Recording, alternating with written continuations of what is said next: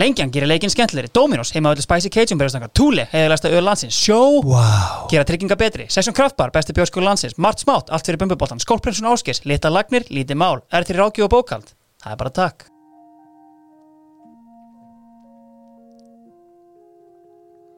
Svona var sumarið er fótboltahlaðvarp sem gafar ofan í hvert fótboltasumarið og fætur öðru. Eitt í hverjum þætti. Hverjir sigra? Hverjir tapa? Hverjir hlæja? Hverjir áttu styrk á við hvaða foss? Skemmtir er línaböbi. Þú ert að hlusta á Svona var sumarið 2003.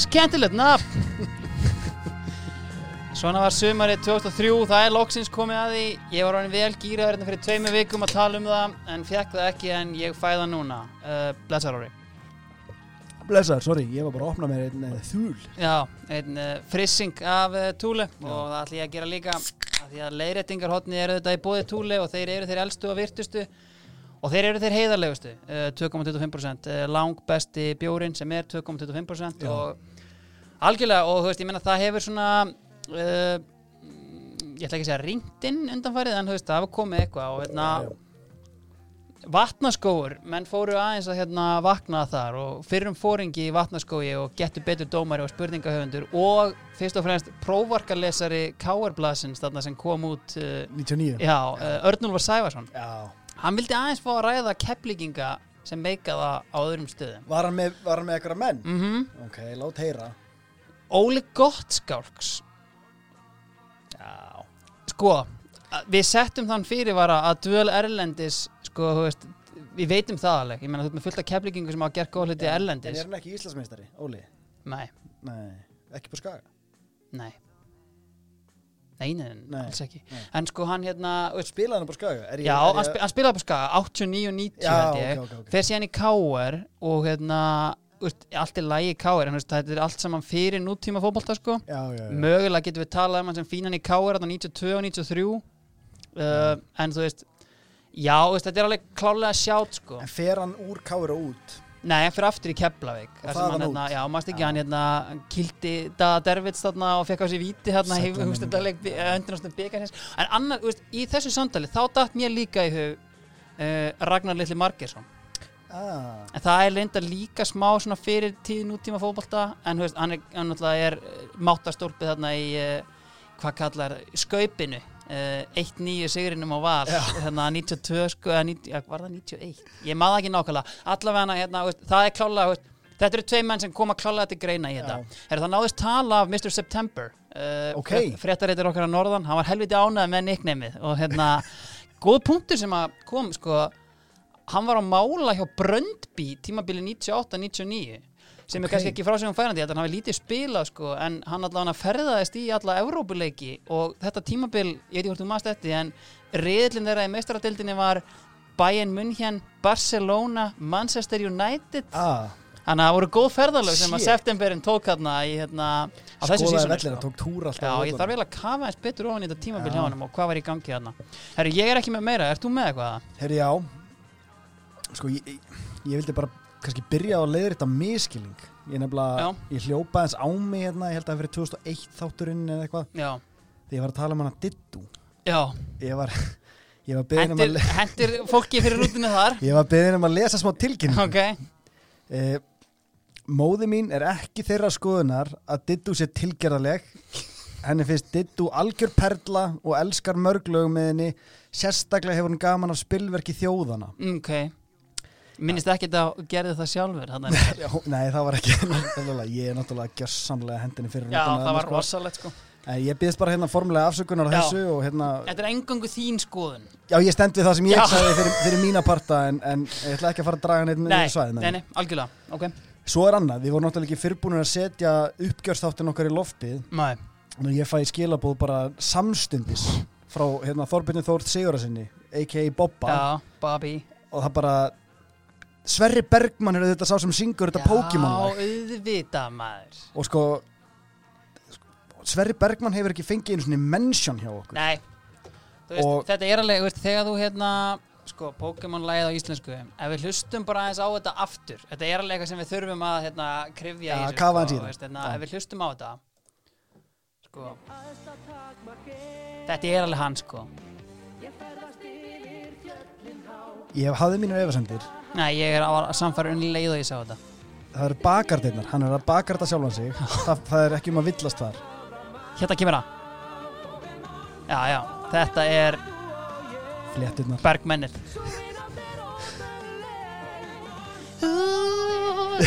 Já, sko. Þetta er klálega Sverri já, Bergmann. Það gati engin annar verið þá. Ég meina, hérna Líka ef þú berði þetta saman við án þín sem kemur þarna út aðeins og undan þá, þú veist, veist, þarna, hann er náttúrulega í dag orðið miklu meira röff, svona, það er svona komin alveg starffræði kennar í röddina hjá honum, en þú veist, þarna er þetta sama svona sweet sound Já. sem hann hafði, sko. Já, við, við verðum bara. Við verðum eiginlega bara að gefa honum líka smá svona hérna glória því að hann, ég held að þessi 2001 sem Já. hann kemur hérna, þetta er leiðrétting hvað það var það líka hann kemur náttúrulega með þetta án þín lag í söngurkynum framhaldsskólana árið áður eða eitthvað Banger. Algjör og þetta, bara, þetta er svona tröllahittar á Íslandi upp úr þurru. Þú veist, kemur bara þarna fram með þetta Jason Biggs andlit og sko rödd frá englónum Já, og þetta er bara svolítið svona sjokk held ég. Og svo náttúrulega fer hann beint yfir í það. Já. að henda á sig einhverju svona ullar hakki sakk húu sem að lítur út til að fyrir eitthvað að dretta og sko er með eitthvað svona þetta er eiginlega svona nútíma Imagine með John Lennon textalega séð. Þetta er eitthvað sko, Já. það er trú sem að býr til öll þessi stríð í kringum okkur. Ógeðslega djúpar pælingar í gangi sko. En sko, þú veist, án þín, hva, ég hef oft séð fyrir mér, sko, hérna, sko, þetta South Park maður. Já, svona. Fistix þátturinn, hefur hérna Nei, sko, Mér minnir að það sé í þeim þætti þar sem að sko Cartman, Butters semur einhver brandara og Cartman ignar sér hann. Já, verður já, já, væral já. og veist, Cartman ignar sér hann og basically segir Butters, við samtum þetta saman. Já, en já, hann já. gerði það að sjálfsögðu ekki. Og ég upplifi blöð með að texta sem hafi svolítið verið þannig. Svona, hann sé búin að sannfæra Sverri Bergman ekki, húi, maður ekki, vorum þetta saman hérna hann er eitthvað svona þrjá línur. En hérna, þetta er eitthvað sem hefur leiðið mikið á mér, gott að koma þér frá. Erum við með meira að það? Ekki, nei, enga leiðréttingar Nei, ok, það er því að við erum með sko, við erum að bakka inn með tróðfullan þátt þannig að hérna, Já. höldum bara áfram og sko byrjum bara í tíðarandanum hérna, það eru okkar menn. Í Já. Session Kraftbar Já. uh, þeir eru með mikilvæg hlaupahópin Ási er að selja úr herbygginu sínu sem er komið með vínveitingarleifi hérna niður á fyrir ofan gamla Pizza Pronto. Já, og þeir eru þetta bara með þú veist, uh, alla stemminguna og bara þar er þetta er staðurinn til að vera. Já, get away.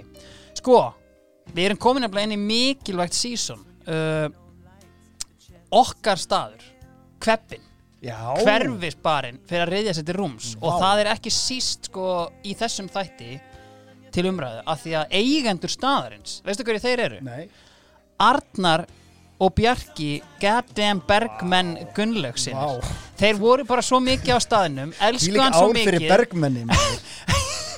þeir elskuðu hann bara svo mikið að þeir keift hann. Og ég fann hérna enn eitt sko, fókus. Það hefur ekkert verið að gera þarna því það er enn eitt landakort drikkjumannsins Yes. og þar er sko hverfisbarinn, tvær stjörnur. Einhvers konar félagsmiðstöð fyrir íþróttamenn en það eru stærstu eigandunni fótboltamenn. Þarna koma því heitustu gæjarnir úr sportinu og auðvitað elda stelpunar sætu gæjana. Það er alltaf löngröð fyrir utan staðin og fólk virðist halda það sé að missa af einhverju ef það kemst ekki inn.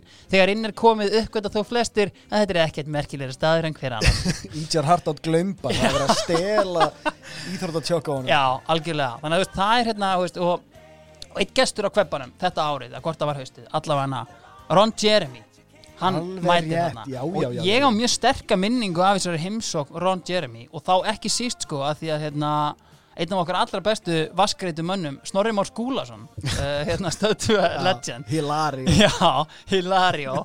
Hann tók náttúrulega hérna, viðtal við hann í Ísland í dag. Uh, Hann var hérna yfir þessum þætt á þeim tíma og ég man alltaf eftir því að sko, helmingurinn af viðtalinu fór í það að Ron Jeremy var svona að afsaka sjálfan sig og alltaf að minnast á sko yeah, that's probably why Guðrún doesn't want to talk to me af því að Guðrún Gunnars rétt. neitaði að vera í Hún tók stöðu Já, bara ég ætla ekki að tala við þennan mann sko. Nei. og það var alltaf eitthvað svona veist, að því við fengum ekkert að heyra það það var bara Ron alltaf eitthvað í að því yeah, Guðrún, I mean, I, I totally respect her og eitthvað svona kjátaði sko.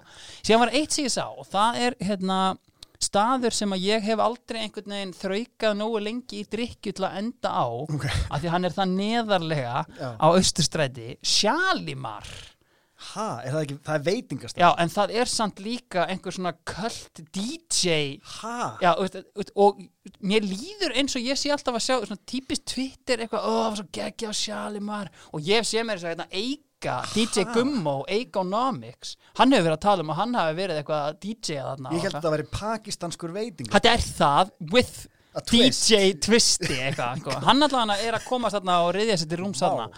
Uh, og síðan er líka hérna annar staður sem að hefur svona ákveðin svona sess innan elitu sem ég tengist ekkert og það er sirkus. Já, skemmtistæðurinn Já, sirkus bjarkar kreðsan já, svona, þú veist, hérna þetta er svona MH Mm. Steinþór Helgi Já, já. svona stemming, einhver sko veist, þetta er svona þannig veistla sem er að leika og ég Já, man, þú veist, Við mínir náum þess ekki, sko Nei, við náum þess ekki, en ég man alveg eftir því að ég var í tíundabæk, vini mínir sem síðar enduði í MH, kongarnir í plastplaninu, Björn Steinar Blúmenstan og Brynjólfur Stefánsson, þeir, ég man einhverju helgina, sko, um einhvern mánudaginn komið, já, vorum að eitthvað aðeins að, fórum allan á sirkus, já, vorum fyrir utan, komumst ekki veist. þannig að þetta var eitthvað svona, þetta var hérna rétt hjá þar sem að öllstofan er, er það ekki rétt hjá mér eða? Ég held, fyrir, ég held að það verið fyrir neðan, sko. Kom ekki bar ananas þarna á einhverjum tíma, einhver svona, Nei, hann var ekki það fyrir ofan, ég held að það sé fyrir neðan lögaveg, sko. Já, það, Já, ég hef ekki er- hugmynd, en ég held að hann hafi sko líka færst. En Já. gaman að segja frá því, það er sko sirkus í Þórshöfn. Það er svoleiðis. Já. Ok. Sistra staðir, þannig og ég held að hafi keift ógislega mikið innan úr gamla staðnum og það er bara, þannig að ég hef farið á sirkus bara í Þórshöfn. Það. Jesús, byrju ég er að skoða einna landakort Reykjumannsins Þetta er á klapparstíg. Fyrir neðan, eða ekki? Nei, nei, Ha? nei, nei, nei. Ég held að ég sé svona Yet again. Nei, ég er samt alls ekki spottan Ég átta ekki alveg á, sko Þetta er á milli laugavegsins og hverfiskötunar á Já, klapparstíg. fyrir neðan Hvað meinar það fyrir neðan? þú, veist, þú ferð upp holtið á laugaveginum, upp að Hallgrímskirkju og það, skilur, það er fyrir ofan. Já, fyrir neðan er nær hverfiskötu ok, fyrir neðan hjá mér En bara, veist, þá ertu að tala um Lækin, lækjargötu. Sorry, sorry. Já, já er ég var, ég var að meina fyrir neðan ofan læ- laugavegin Það er, ok, allt í góð Þú þú mátt alveg hérna haga þínum hérna, haga þínum ofan og neðan þannig Nei, við sko. notum ekki austur og vestur. Megin við fáum einhvern betta hérna upp uh, Við erum í tíðanandanum uh, Sko, fleira sem gerist þarna uh, Það er þarna leiksýning sem ég vil meina að sé hálgert changing of the goddamn guards. Já. það er að fólk veit hvað gekk á sínum tíma og það á að endur gera grís. Já, og þarna á einhvern veginn að svona pakka saman grettunni og badnvænana með því að fá Birgittu og Jónsa. Já. þau eru náttúrulega búin að gera dag sem dimman átt og hérna hitt dæmi sem Allt- það er allt sem ég sé. já, það er búið að svona og það er dúkkan er komin og það- börnin, þau eru búin að kveikja. þau eru búin að kveikja þau eru ekki gretta, þau eru börn. Já. gerum hérna, gerum hérna musical með þeim í brotti fylkingara sem að þau eru að leika hérna eitthvað par í verslunarskólanum. Fórst á þessa sýningu? Nei, nei, ég, ég var orðin einum of nettur. Já, ég fór sko. Já, Já, það, já. ég held að þetta sé árið sem er að Þetta mynda er ég harðasti musical maður landsins. Já, já, Já, við, við erum það báðir. Ég, ég sé eftir hafa ekki farið sko. Þetta er náttúrulega Það gæti verið að ég hef tekið eitthvað stans á móti þessu. Það er sko fimm ár sem líða á milli sem er alveg svona svolítið lítið sko. Já, en, þe- en þetta er náttúrulega landsliði sem er fengið í þetta. Veist, Já. þetta er ekki bara Jóns og Birgitta sem er náttúrulega Nei, þetta er, þetta er svo mikið marketing move. Ég held að menn hafi hort á heyri, við erum hérna komin með tvær ruttalegar stjörnur. Erum við ekki bara að grísa þetta upp? Þú veist, erum við ekki bara að fara að henda þessi Já. grís? Af því að þau voru huge á já, já, tíma. nefnt svo ertu með Gunnar Helga Að leikstýra þessu. Að leikstir þessu, ert með Þorvald Bjarna í hérna, tólistastjörninni Ok, two goats. Já. já. hver er í framleiðstinu á þessu? Sólguðin Beggi? Nei, Nei, hvað? Sólguðin, Kristján Ra. Já, Ra. Rafvélin. Auðvitað er. Ra þarna Beint úr jailinu með puttana í þessu. Hann er með hérna, fyrirtæki sem er bakað eh, hann og einhverjar aðrir. En þetta er, þetta er landslið í setjum upp söngleik. Já Síðan meiri segja, veist, þeir taka alveg sjensa þarna í leikarvali Þeir búin að benda öllu budgetinu í Birgitta Haugdal og Jónsa En þeir taka þarna Dynamins Duo sem áttu nú heldur betur síðar eftir að reyða sér til rúms gott ef að King Gói og Jóhannes Haugur eru ekki hérna Jóhannes Já. Haugur í hérna stóra fynda feita gæjanum hérna í hlutverkinu og hérna og Gói hérna eitthvað running around uh, Hann var ekki Kaniki eða? Nei, það getur ekki verið. Hvern, hvern fær maður í Kaniki þannig? Það var einhver, veist, það var einhver svona Okkar maður hann að baldur jafnvel. Já, hann, nei, hann, hann var í alvörinni í þessari sýningu. Ég man samt, eh, hann var samt klálega allt og gamall fyrir eitthvað svoleiði, sko. En hann var, hann var, hann var klálega, hann var í sýningunni, sko þetta, þetta er eitthvað markas, markasbrella Alveg klárt mál. Sko, ert þú með eitthvað meira? Sko, já, já, ég fór aðeins í þetta og þetta er náttúrulega Sorry, ég ætla að taka það boltan Ég þarf að, hérna, ræða eitt Ok, fyrst. ok. Ég- Klárum mig bara af, Já, hérna. já. Ég vil ræða eins um fótbolta.net Já, uh, Og svona menningar fyrirbæri sem það er. Þeir byrja hérna 2002 já, En ég upplega svolítið þannig að þannig að 2003 að þá einhvern veginn svona gera þessi gildandi. Hann er þarna þú veit með hafliða, já, nýliða breiðförð sem Já. er að riðja sér til rúms gera sér gildandi og er svona að leina að fá fólk til að taka marka á sér. Af því að þú veist, ég manla á þessum tíma ég held að ég hef verið fréttaritari á svona 15 mismunandi sport.is handbolti. Sportið.net og eitthvað svona fótbolti.is þú veist þetta var og gras.is þetta var alltaf svona lengi vel bara áttan gras.is og hérna fótbolti.net Þetta er svolítið svona moment við erum að uppgöta netið Íslendingar, Já, við erum aðeins og eftir. Mhm. þarna erum við bara svona, heyrðu, já, svona virkar þetta. Og ef maður rennir í gegnum fréttinnar þarna á þessum tíma þú veist, þá er þetta alveg klálega mest þú veist, þeir eru ennþá bara í erlendum fréttum. Þú veist, þeir eru þú veist, þeir eru reyndar að senda sko, þú veist, fréttarittara á nánast alla leiki sko, um Ok. íslenska boltan og Maggi Mári bara skrifa þarna 2000 orða pistla um hvern leik og eitthvað bara þú veist, 13 ára eða eitthvað. Og hérna, en þú veist, síðan er þú veist, hérna, þú veist, fyndi að skoða þetta þú veist, það er hérna þú veist, þeir eru mikið að senda opin bref til norðurljósa sem voru með, þú veist, enska boltan og ítalska boltan og þetta og hitta þetta bara opið bref Hvar er ítalski boltinn? Svaraði því snorri má. Þeir svöruðu fyrsta brefinu síðan búið alltaf að senda meira og hætti þeir að svara þessu sko. Og síðan er mikið að upprópunarmerkjum og svona, þú veist, clickbaits sem voru klálega, þú veist, svona meant to be funny þá að Já, að já. þeir voru ekkert að sundi einhverjum nei, en síðan, þú veist, fullt að geggjum fréttum og mín klálega uppáhaldsfrétt frá þessu ári hlýtur að vera netvett ósáttur við stríðið í Írak Pavel Nedved er allt annað en sátur þetta er bara, bara mjög fyndið eitthvað það eru sérstaklega frétt að taka fram að einhversi ósáttur við stríð en hérna, en síðan uh. Það er klálega hérna, síðan er haflega þetta með geggja, þú veist, hann var alltaf að reyna að kóina nicknameið Eyður Klári Guðjónsson, það var svona hérna eitthvað sem gekk ekki alveg upp hjá hann sko. en síðan, þú veist, svona þenn dæmi um bara svona hvað voru að reyna að koma sér out there, skilur að veist, þeir voru alveg að koma með skúp skilur við, þú veist, eitthvað hérna bara eitthvað, eru Callum Betti farin í stjörnina og hérna, og bara allir bara eitthvað, nei, hann er farin í stjörnina síðan bara, þú veist, tveim dögum setna Callum Betti í stjörnina, þú veist, bara Já, já, já. hafliði, strikes again. Já, þannig að íþróttafréttir þarna eru bara svona reporta það sem hefur gerst þarna komin einhver svona grasrótar miðill loksin og sem er að það sem að var sko, og við komum meir inn á eftir er sem sagt að það var algjört uppþótt og hérna, þú veist, vildu þe- voru punktunni að reporta, verið mikil óanægja og eitthvað svona í gangi. Og, og þetta, veist, þarna, í fyrsta skipti upplifa vantarlega svona established fjölmiðlar bara býtu, þú veist, hvað eru þessi gæjar að negla einhver út í lofti og Valtýr Björn og Hanski Bjarnar voru þarna útvarp í sögu bara, já, nú, einhverjir strákar hérna, já, já, já. gera því skóna og það sé eitthvað ósætti og, þú veist, og hafliði bara hérna rekur þetta ofan í það bara eitthvað og hérna og bara hérna, veist, segi bara herri, þú veist, ég er spot on veist, ég heiti Hafliði Breifjör, þetta er kennitala mín veist, ekki vera baktala mig hérna. En þetta, þetta er klálega svona mikið changing of the guards Já. moment sem við erum með hérna sko. Og hérna, upphæða einhverju geggjuð spennandi að fylgjast með hvernig fer ég á strákunum á .net. Herri, hérna, uh, meira sem ég var með mikill menningar viðbörður fyrir mér er Ísland-Írland í boksi ok, ég, mér rámar í einhver svona kvöld sem voru haldin þarna. þetta er Já, þetta er sko, þannig er nýbúið að leifa ólimpískan nefalega einhvern veginn Já. og það er hann einhver keppni við Dani en síðan er þetta, veist, stærsta dæmi er held ég þetta Ísland-Írland í hérna, í laugadalshöllinni þar sem að, þú veist, þú ert með náttúrulega þú ert með stjörnu í skúla Tyson. Vilberg sinni og það er hérna, þú veist svo geggjaði náungi en ég held að fólk hafa ekki almennilega átt að sig á sko, hvað þið voru að fara í úti sko, þegar þú ætlaði að reyna að gera þannig að manna einhverju stjörnu hérna er viðtal við hann sko í fókus uh, áttu kæristu? Nei, ég er alveg laus, mér finnst fínt að finna eitthvað nýtt og flakka bara á milli. Eru þá stelpunnar alveg vitlausar í boxar eins og þig? Það er nú lítið hér í Keflavík en það þekki maður þetta stelpunnar hér. Það er meir í bænum. Og síðan kemur þetta, þú ert nú valla maður með mönnum hann að suðu með sinu og hans að keira sæmilegan bíl Nei, það er alveg rétt og ég á nú nokkra og er á góðum hnakkabíl. Ég með ágættis græjur á læti, felgur fyrir tæpan 200 skall og græjur fyrir svona 200-300 skall.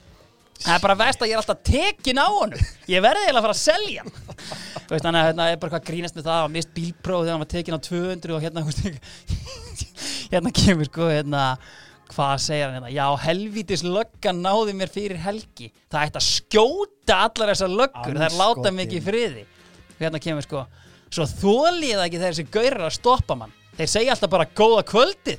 Ég segi bara móti já þú ert búin að skemma það núna. Æjæjæjæjæjæ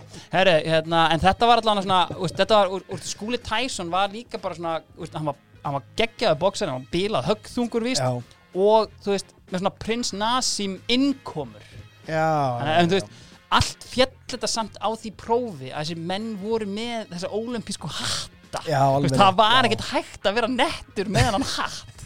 Þannig það var, ég mann, er minn góði vinur Kolbjörn Kára sem fór út í boxið og veist, glæsilegu maður Já, og allt það einhvern veginn. En síðan mætir hann bara í hringin hann er með þennan hatt og ég Já. bara einhvern veginn gæti aldrei tekið þetta nógu alvarlega sko. síðan er sko kannski ef ég loka þessu á mér sko, það er grein í fókus og það er farið yfir fallegasta knattbundu fólk hjá okkar. Uh, og það þarf alveg klálega að fara yfir þennan lista. Þetta er top 10 kallar og top 10 konur. Kemur engum óvart að Embla Sigriður Gretarsdóttir er í efstasæti hjá konunum. Aðra konur á lista eru Hrefna Jóhans, uh, Dóra Maria uh, mér sýnist Dóra Maria að vera svo eina sem spilar. Er reyndar er hérna við Lilja Dögg Valþórsdóttir. Hún er ennþá að spila. Bara á hérna hún var í Káar núna í bjöldinni Já. en þú veist, bara ennþá að spila þannig að Mikið að káringum, Guðrún Sóli Gunnarsdóttir Holmfríður Samuelsdóttir dóttir, Samuels Arnar Erlingsson. Takk. Á Maria einmitt, nákvæmlega. En toppsæti hjá köllunum það er Eggert Stefánsson. Bróðir, Vá. Óla, thank you. Jóns já, takk. og tennis Rögnu. já, algjörlega. Já. öðru sæti, Ólafur Þór Gunnarsson markmaður. Uh, Pung, Pungur. Ólafsson glæsilegu kýper herðarbreiður stóra stæðilegur. Mér stýr skilsta hann sem kallaði nöytsi þá vel við. Já. Ég veit ekki hvort þetta heyrðist nógu vel. Nautsi. nöytsi já.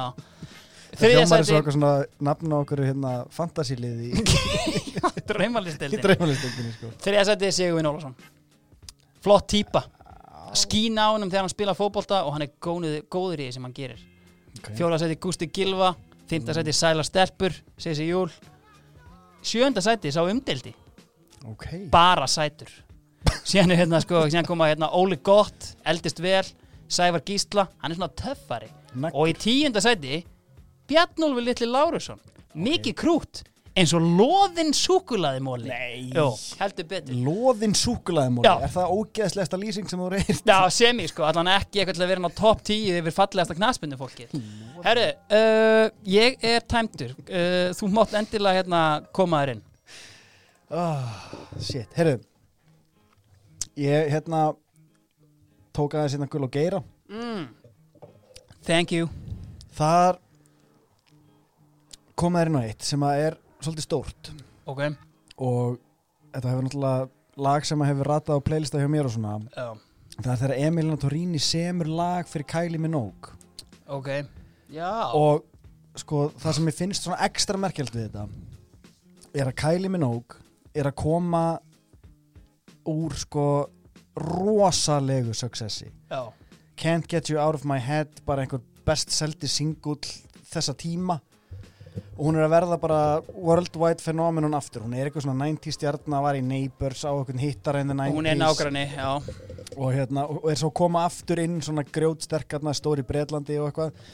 Og á plötuna Fever 2001 eða eitthvað svo leiðis sem er bara, sem er bara hit, hit eftir hit og bara hérna, svakalega vinsælt. Ok, hún er að fara að gefa út plötur um tvö, þessast svona follow-up plötu að þessu eftir að hafa verið orðið núna svona bara worldwide og fyrsti singull af þessari plötu sem fer í spilun er lag eftir Emilin Torini og það er ekki eins og hún semji það og það sé einhvern veginn svona bara látið á milli. Hún, það er bara komið til hennar, heyrðu, ég vil að þú semjir lag já, fyrir mig hérna og hún bara er að stýra upptökum af þessu og bara gerir þetta lag frá að til lög Já. sem er lagið Slow, já, já. Geggjalag en mér finnst bara svo geggja hvað Emilin Torini er að eiga gott rönn þarna. Já, af því já. að hún er að taka sko í loka árs 2002 á hún lokalagið í Lord of the Rings já, já, bara besta trílógia allra tíma og hún er bara hérna hún- er bara svo mikið að sigra þarna en svo Mm. er hún einhvern veginn bara svona undir radarinn. Þetta, er svona já, þetta er bara svolítið bara svona sjáta á hana fyrir að hafa gert þetta sko. Mér finnst það bara geggja dæmi sko. gæla sko, bara algjörlega. En sko það sem ég langast líka inn á. Þú varst stöð 2 krakki. Við höfum oft komið inn á þetta. Já, já, stöðu og kókabós Já, og það voru þarna þættir sem að mér langa bara, ég var að verða að minnast á þá og það er fýrfaktor. já, Þetta voru bara geðveikir þættir og maður einhvern veginn sogaðist alltaf inn í þá. og þetta gott var, ef þetta er ekki þriðdagskvöldin á stöðu 2 Já, eitthvað svo leiðis. Þetta er náttúrulega Joe þriðdagur eða Rogan. mánudagur þarna er Joe Rogan og hann er hann eðlilegur sko Já, þannig áður en að verður einhver hérna, leiðtói hins þengjandi sjómla. eitthvað svona Leðtói hérna- hins þenkjandi CBD. Yeah, but have you tried cannabis? Yeah Já, en sko, þetta var eitthvað þannig, þetta eru þrjár þrautir og fólk að keppi þessu. Fyrsta Já. þrautin var alltaf eitthvað svona daredevil, eitthvað stönd. það fekk engin kona mæti innan þátt nema hún væri triple D Það var rosalegt, Og svo var önnur þrautin alltaf að borða eitthvað ógíslegt. Önnur þetta var það, já, Og emmitt svo var þriðja eitthvað svona stönd aftur, eitthvað svona svaka. Og Já, fyrsta var svona purely svona athleticism Já. eiginlega Önnur þrautin, alltaf viðbjöður, borðið einhverja kakalaka og hvað Og þriðja var svona strategic athleticism Já, þurftir, og hugrekki. Eiginlega, já. Það var, það var, man einu sinni var það þannig að þú veist, þú ættir að fara í svona, hérna, þú veist, þú hjekst á svona, veist, rólu já, í loftinu og ættir að lenda í vatni að sjó, þú veist, lengst upp í loftinu, Já. sko, og láta það detta og, veist, lenda í fimmunni eða, þú veist, fjarkan Já, já, já, já, já. Þetta var svona, það var svona smá pælingin. skill. Já, einmitt. Í grúski, þá rakst ég á íslenska útgáfa fýrfaktor. Það sem þetta var presenterið, það var eitthvað svona pröfur fyrir þetta. Já, Ég hugsaði bara, ég á enga minningu um að það hafi verið gerður íslenskur þáttur um þetta. mæ, Þetta var peppað eitthvað, já, hafa- láta heita hörkutólið og þetta er Ah, svona eins já. og fýrfaktor og ég bara svona, ok, hvað, og þurfti að kafa því ég bara, ég man ekki eftir þessu, Nei, nei. ég man eftir flestu sem er að gerast á þessum árum, þannig séð. mhm, kemur í ljós hérna, á miðugdagskvöld fara fram úrtökupróf í nýja hörkutóla-leiknum sem segja má að sé íslenska útgáfan af banderiska sjónvarsættinum Fear-Factor sem síndar hefur verið á stöð 2 alls síndu 236 manns áhuga á að taka þátt og úr þeim voru valdir 6 er þetta eindrólaðið í þetta? já, held það, veitu Ég er þetta í ykkur, sko.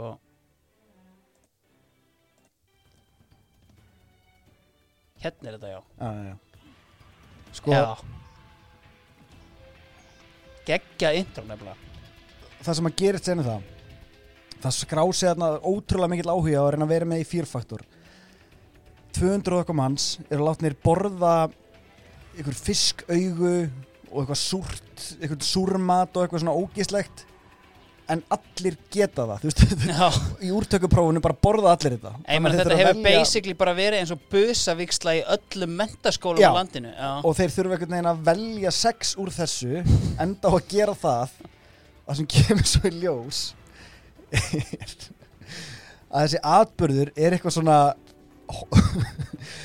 eitthvað samfélagslegu gjörning nei, bara þeir, þeir, þeir sex sem eru valdir sorry, þrýr kallar og þrjár konur munu etja kappi í hinn eiginlega hörkutóla keppni sem fer fram annan november á Garðatorki í Garðabæ í tengslum við byggarmeistaramótið í kraftliftingum og svo sko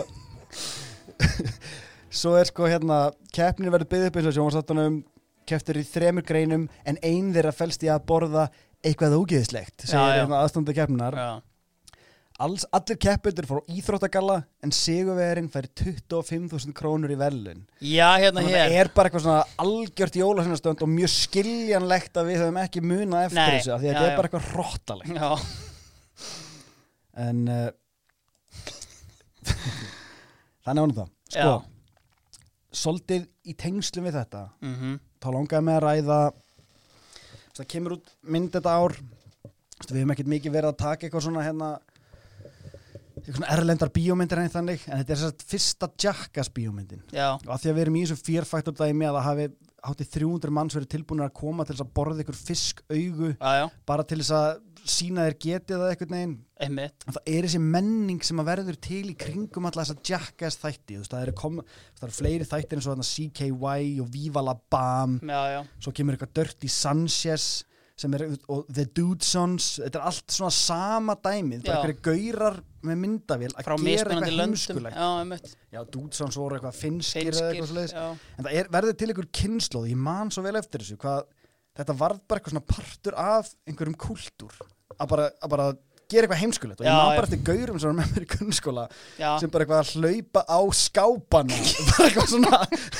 Og detta geða tarkilega, það er eins og að vera upp eitthvað kynnslóð einhverjum áhættuleikurum. Bara allir voru ég veginn bara- manaleg, úst, í val sko, úst, í dag úst, Fiti Morína, vinur minn sko, hann einhvern veginn minnir, ég var alltaf að fá að heyra hvað var í gangi hjá The Dudesons þetta er svo geggja sko, en hann var endur ekki að hlaupa og skápa sko, en, en þetta var Þetta var alveg risa dæmi og skjár einn, gott ef að þeir komu ekki með veist, Jackass og það allt dæmi sko. ég, ég man ekki til þess að Jackass hafi verið sínt eða var það sínt? Jó, ég, það var sínt, já, já, já, það held í pottið sko. ég man, ég held ég að við náðum bara á MTV Síðan, sko, sérna þeir komu náttúrulega inn til gæinn landsins, sem er sko. alltaf á titlingnum hérna í Jackass hérna, mani hvað hann Boy. síðherður hérna, já, Chris eitthvað Chris heitir. Pontius Pontius, já, já, hann og Steve-O gerði einhvern þátt sko já, Wild Boys já, hann kom að skjá eitt Já, sko, já. að þeim Já. voru hérna, tróða hendinu sinni raskat á einhverju belli og Já, þeir, það var svona hérna, sko. náttúrulífs útgáða Já, já, það var endalust að einhvern spin-off tengt þessum Já. gæjum og þeir voru alltaf orginallin og, Já.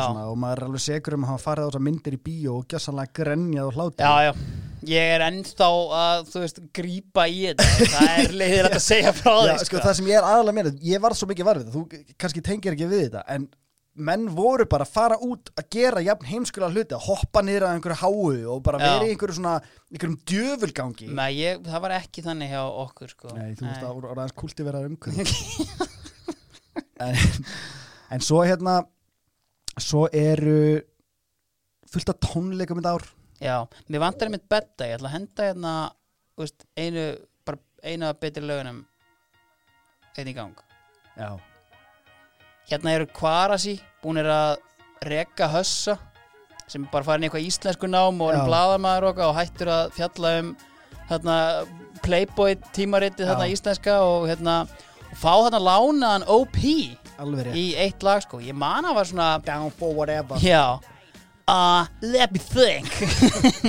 Og það var svona þú veist, Það var alltaf einhvern svona sögursagnir um þetta þú veist, Hann er fengið hann í þetta lag Og það var svona, þú veist, er ég OP ég mættur hérna í kvarasi? En þú veist Ég held samt að þetta hafi alltaf bara verið þegar eitthvað vantar hérna eitt gæja hérna í þetta og hvort af Sölvi Blöndal sagði ekki með þess að hjá Geir og Gulla bara, já ég hitt hann að gæja og við bara fórum að gera eitthvað og gáum þetta lag. En þú veist, það var alltaf tekið samt Er- þannig bara, eru þetta er nýja gæin í Kvarasi. Er ekki illa vegið að Ómari og Steina þú veist, að því að hérna, það var alltaf sagt sko, ég mann frænka mín sem var punkt djúb í þessu sko, hún kom alltaf, hún kom í heimsókn og sagði, já, síðan var hann alltaf bara rekin OP, að hann var alltaf, þú veist, ég meina, þú sért bara mess it up, Ómar var ekkert í því. Kom bara inn aðeins í lokin, hann var bara ekkert sáttu með þetta, ég held að það hafi verið algjört mið, sko, Já, já. og svo náttúrulega Tiny ráðinn í staðin, sko, og verður hérna official söngarinn, sko. En já, bara svo ég hafi eitthvað undir. En allan að, fyrir ekki, hvar varstu? Nei, ég var bara að tala um þessa tónleika tónleikana, já, já, já. Þa- Þarna er ég svona fyrst að verða var við svona, að tónleikar sé eitthvað sem að fer á þessi, stó, þessi stóru bönd er að koma Já, hérna, mitt. koma og Hér koma kemur akkurat þetta eina ára því að fyrir mér er það næsta ár sko. Já, já, já. einmitt, ok Skúter, þú fórst ekki að neina þessum tónleikum Fóru ekki, nei, nei, eða Fighters, nei, nei. nei. Ég verða að viðkjanna, ég fór ekki að neina en það á þessum þessum En hérna ég sendi mína menn á skúter sko Já, Já, já, þeir fóru hérna vel hífaðir og góðir sko, þú veist 12 ára eða eitthvað, þú veist, peggandi sig í gang sko, ég ætla ekki að nefna neinn Jesus. öfn í þessu samhengi sko, en hérna, það var hérna góð stemming í hlýðunum fyrir Oh. skúternum alltaf sko. Já, já, en ég meina það sem að gerist þetta ári er náttúrulega þetta fræga moment á Fighters tónleikunum sem að Dave Grohl er að fá sér hérna út, hann fyrir út að borða á fjöruborðið eða hvað það heitir hérna í á Stokkseri, já, Stokkseri eða hvað það kallar þetta. Og hérna dettur inn í bílskur og, og tekur þessa hérna nú- hei, hann segir sko I just heard some drums. Just heard some drums coming from a, from a, from a, from a garage. Já, þetta, voru, þetta voru sko gítarleikarnir tveir eitthvað að guttla Já. og það vantaði trommar hann Já, alveg hoppaði rétt, bara inn já. og byrjaði bara að tromma.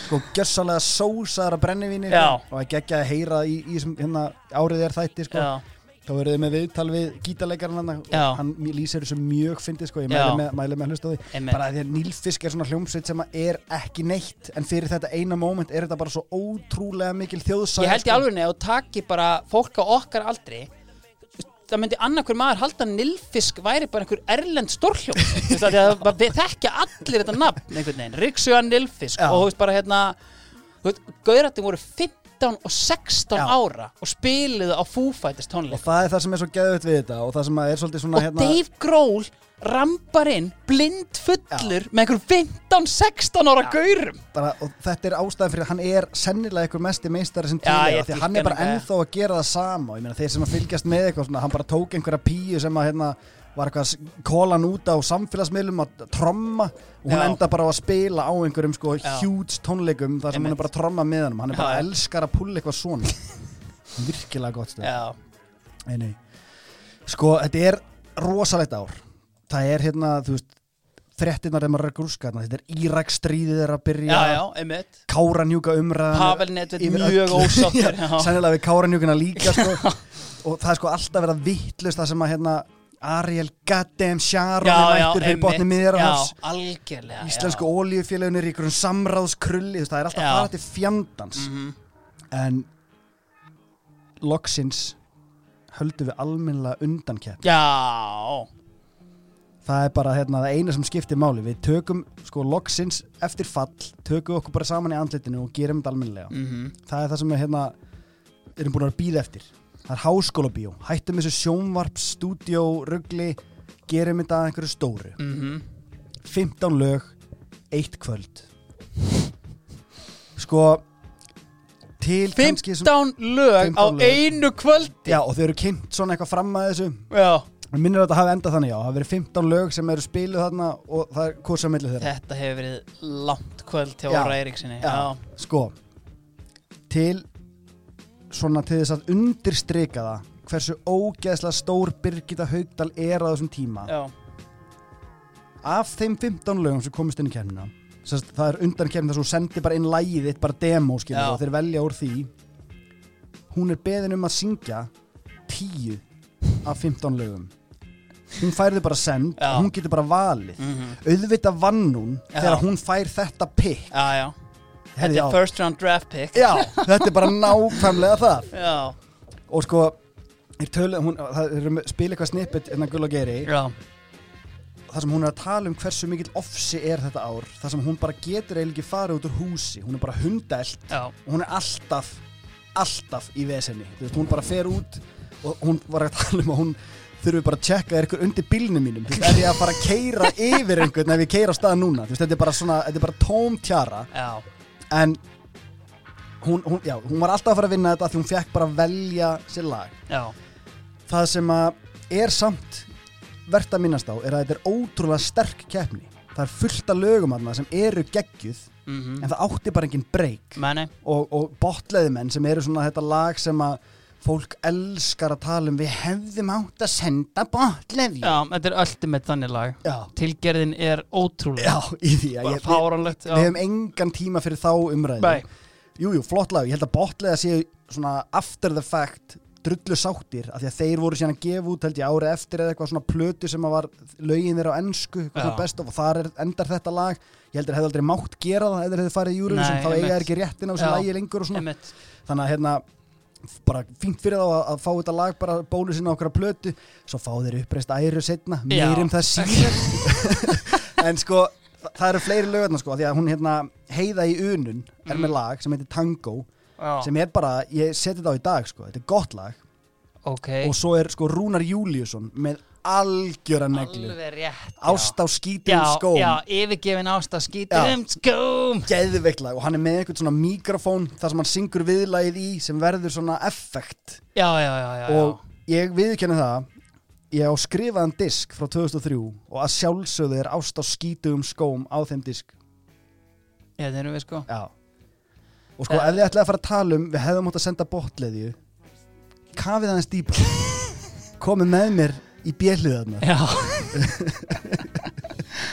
Var ekki Guðrún Árný líka með eitthvað hérna? Jú, sko, Reymur söng tvö. Já, Þetta var, Guðrun Árni var með einhverju píu Með eitthvað, hérna, hvort að læknirinn var byrjaðar að senda lög hérna.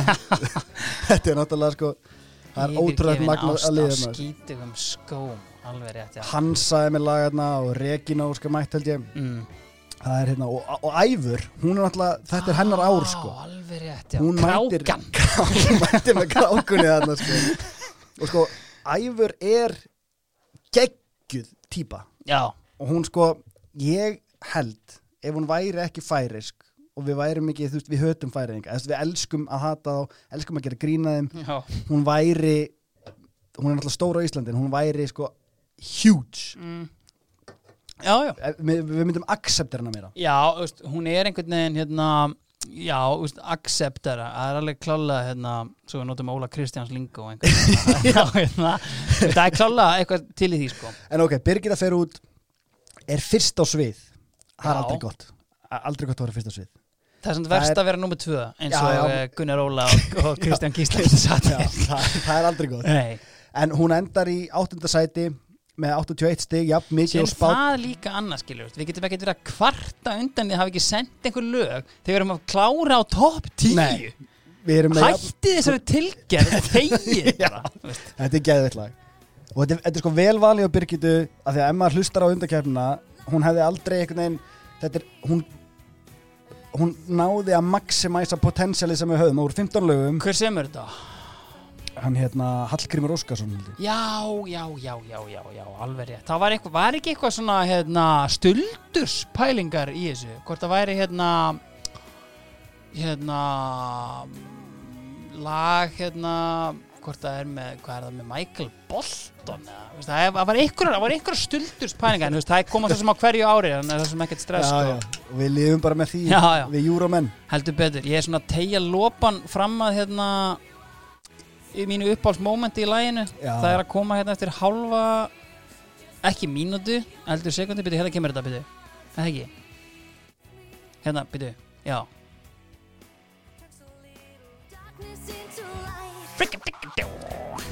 Sko, á þessum tíma Já. er ekki lag með lögum nema að vera með smá scratch. Let the record skip, let the record skip. Já, ekkert betra. Það er, sko, þetta, er, þetta eru tvær reglur. Þart record scratch. Já. og ef þú ert að gera plötu nummer tvö þá áttu streng.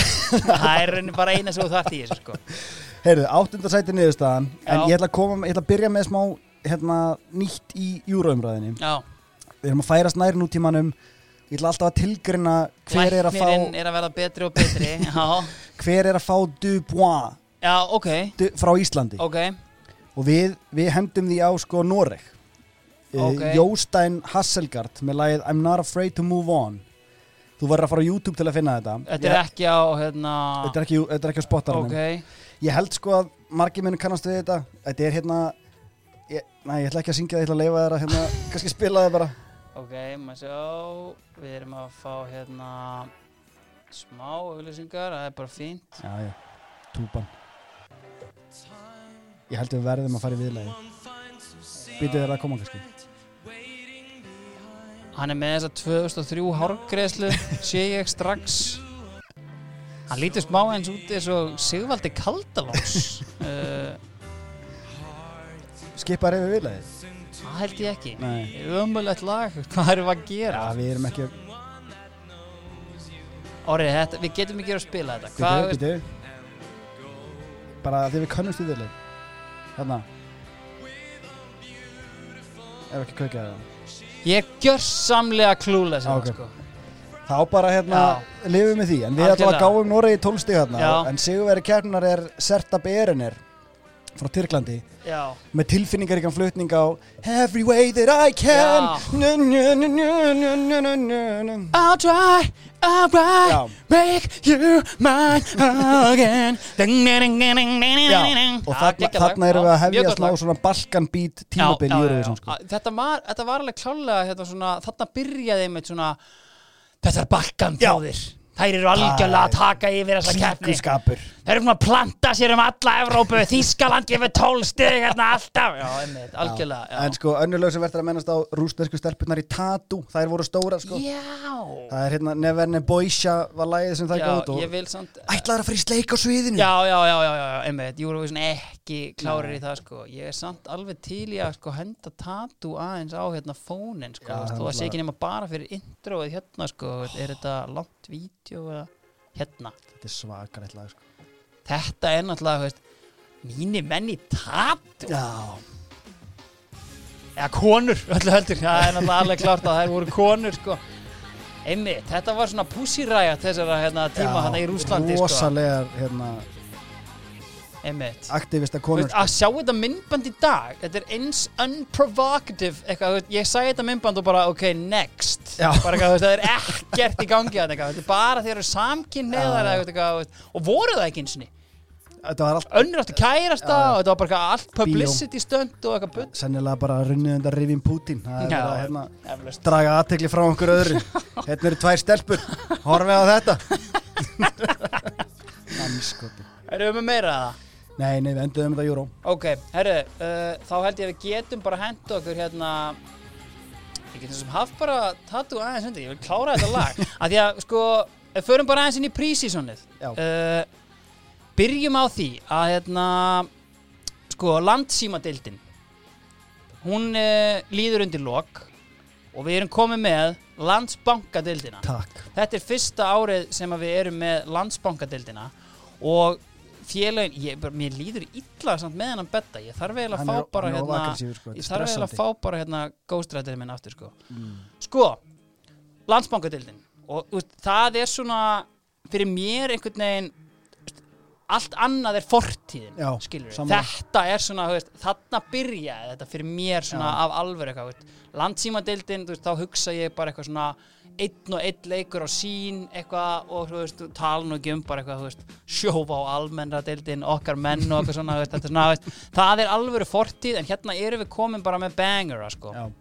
Og ef við byrjum bara á hvað nokkur lið voru að gera uh, og ég vil helst bara byrja þetta í Grindavík því þar voru ótrúlega hlutir að gerast. Ok. uh, ekki kannski ótrúlega hlutir að þeir sækja Óðinn Átnason uh, frá Þór en hérna, en veist, þeir krækja í helviti feitan bita þegar Ólafur Gottskálskon uh, sem við félagið, Ok. uh, okkar maður Já. farin að gera eitthvað aðra hluti en í Keflavík hann kemur hann tilbaka eftir einhver átta ári atvinnumennsku og þú veist, við höfum alltaf heyrt öll sögun hans Óla og, og veist, hvað var í gangi þessi átta ára þarna í Englandi sko. en, já, já. veist, 500 kilometrar eða hvað já, nákvæmlega fyrir poka og kóki já, en þú veist, á þessum tíma er samt einhvern veginn ekkert talað um þetta. Og, og, og hvort þetta er ennþá bara eitthvað svona myth einhvern veginn eða þú veist, það er Ok. einhvern veginn veist, það er einhvern veginn engin meðvitað um þetta, hann kemur bara og hann er bara, veist, hann er ennþá í landsliðinu bara, hérna, og þarf að draga sig út úr hérna, hópallana, en þú veist, risa sæning fyrir Grindavík, Albert Sæfarsson hins vegar kaldar kveðjur á markmannin og, og ekki, hann er hann búin að spila sko alla leiki Grindavíkur einhver fjögur, fimm tímabil. Íslenski Vandi Sar. Basically. Og þú veist, hérna, hann þarf að flýja til Færiða og þú veist, fáum ekkert að sjá hann aftur í brá sko.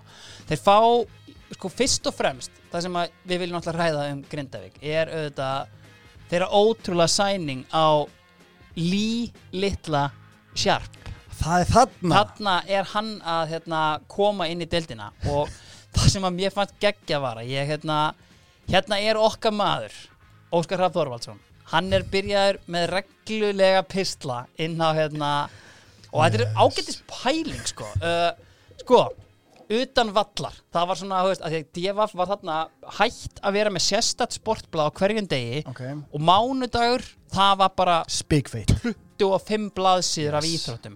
Og þar var alltaf dálkurinn utan vallar það sem að því miður Óskar var ekki alla mánudaga en það komi nógu margir mánudaga með Óskar til að ég sé að fara að lesa talsvert upp hérna frá honum í dag. Ég hallandi flatt. Sko, Fórustumenn félaga í símadeildinni knaspinu eru farnir í enn frekari mælin áður að kvarta yfir heimtufrekju íslenska knaspitumanna og segja að launakröfu þeirra séu alls ekki takt við það erfiða rekstrarumhverju sem félagin búa við. Það hefur því gest í æg fleiri tilfellum að liðin eru farin að leita út fyrir landsteinana að leikmönnum sem í flestum tilfellum en þó alls ekki tilfellum, alls ekki öllum tilfellum eru ódýrar en þeir íslensku. Hérna er hann að koma með svona ágætis pælingu. Já, Hann segir, það kostar þó yfirleitt drjúan skilding að fá mennina til landsins sem raunverulega hjálpa liði í landsímadeildinni og það getur reynst þrautinni þingri fyrir félög hverra sjóðir eru að mestu uppburnir að fjármagna komist líka leikmanna. Þeir forráðamenn sem hafa haft þetta hyggu skulu þó ekki örvænta, örvænta því það eru margar leiðir til að mjólka sömu kúna. Það fyrsta sem þarf að hafa, og hérna nefnir hann bara nokkur á, hvernig á að fjármagna þetta. Það sem fyrst þarf að hafa í huga er hvort leikmaðurinn á að baki dvöl hjá einhverju frægu liði út í heimi. Það skiptir litlu sem engum máli hvort það var fyrir einu eða 15 árum leikmaðurinn á sér sögu. Þó er rétt að geta þess að menn með fræga fortíð eru ofta á tíðum í frjálsu falli getilega séð þegar þeir eru farinir að íhuga rækilega að koma til Íslands og spila. Það fyrsta sem hægt er að gera er að fá leikmannin í heimsókn áður en gerður er við hann samningur og reyna hann með fáru landslægi, fjölbreyttri menningu eða hverju því sem þurfa þykir hafandi í huga að tilgangurinn helgar alltaf meðalið. Varandi fjármögnun kapans er gott að byrja því að bjóða íslenskum fjölmiðlum enga viðtal gegn sangjörnu verði innan gæsalappa. Þetta væri að vísu nýmæli hér á Íslandi en nýjum mönnum fylgja nýjir siðir og því ættu fjölmiðlar að stökkva á þetta metna fulla framtak. Í öðru lagi, félaginu verið lofalagt að hækka aðgangseyri á völlin um helming þegar hinn frægi erlendi leikmaður er byrjar að spila með liðinu. Frægi leikmenn trekja að og því myndu skilningsríkir stuðningsmenn félagsins fúslega greiða hærri upp að berja leikmennin augum. Í þriðja lagi væri hægt að selja inn á bladamannafundi gegn aftur innan gæsalappa sangjadri greiðsli. Forráðamenn félagsins verða að gera sig grein fyrir að hvert gullkort sem fellur af vörum hetjunar er söluvara fyrir fjölmiðla. Hugsanlega væri hægt að selja hverja viðtalsmínútu með stjörnunni alltaf þó á gæsalapnir opnast, sangjötnu verði, gæsalapnir lokast. Síðan koma ágættis pælinga með bara þú veist, treyjur með nafni og númeri myndur rjúka út og Já, heitar já. lummur reyndar, ég veit ekki alveg sem fólk getur, veitu, sko eins og heitar lummur, aukin heldur sem fólk getur leiktan í kaffibóð og rætt Nei. við hann um landsins gagn og nöðsynjar gegn gæsalapnir opnast, sangjarnri gæsalapnir lokast, greiðslu ég veit ekki hvort þetta er eitthvað svona grín eða þá bara að hann er, Pilla. þú veist, eitthvað hérna, forráðamenn félag ætti ekki að bera nokkurn ugg í brjósti við að fá dýran erlendan frægan leikmann til liðsins. Leikmannin geti orðið að gullgæs ef fórustumenn félagin eru nógu hugmyndaríkir, djarfir og opnið fyrir nýjungum. Er þetta pilla? Ég held í alvöru að þetta sé smá pilla, sko. Að því Óskar, veist, ég veit ekki hvort þetta séu góðar hugmyndir eða ekki, sko. Ég er svona á báðum áttum með, sko, hvað hérna, en allavega, Lee Sharp kemur hérna og það er basically að, sko, þetta var eitthvað þannig að þetta eru þetta gæjar í Grindavík, dagbjart sinir, uh, bræður, sem að hitta hann bara eitthvað og þeir eiga nóg af seðlum og þeir hitta hann þarna í, hérna, í Manchester bara eitthvað, á pubnum bara eitthvað. Would you like to play in Iceland? Og bara, yeah, sure og hann heldur samt sko að þeir sé að reyna að fá hann bara sem einhvern svona comedian og trúð og veist, að halda eitthvað standa Já, já, eitthvað. já. en síðan bara, treyjan? here's, here's the contract bara, og hann er bara mættur uh, þeim er spáð við toppin grindvikingum en ferski blærin sem Óskar Hrafn er hann setur smá spurningamerki við hérna fastmótuðu leikaðferð Bjarnar Jó uh, fyrir sjáanlegt og lið Bjarnar hafa tilhengu að missa flugið undir lok tímabilsins Bjarni á með svar við þessu. Hann ætlaði að gera Ray Anthony Jónsson að sóknamanni basically bakvörð í tengilið. Vá. Öfugur ásker Vá. el sko.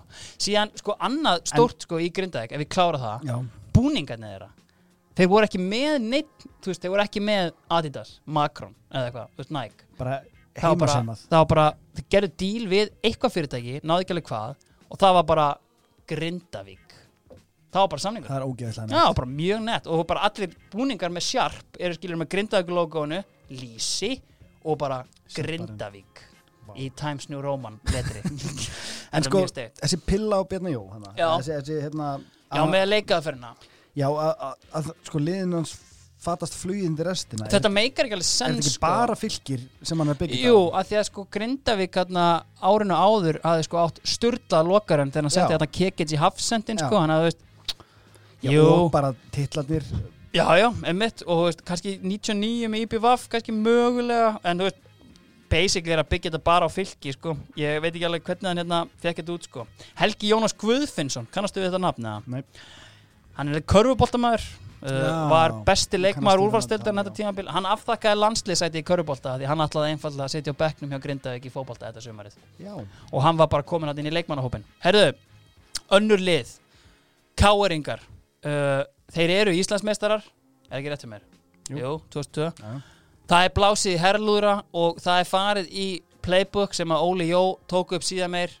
Það á að stuða hópin það á að stuða Íslandsmeistarlið um leið og tímabili klárast þá eru þrýr leikmenn tilkynntir. Scott Little Ramsey Garðar Stóri Jóhansson og Kristján Bólabítur Örn Sigursson wow þetta eru huge signings þarna og basically bara svona það er eiginlega engin að fara. Þormáðulegur skón á hilluna.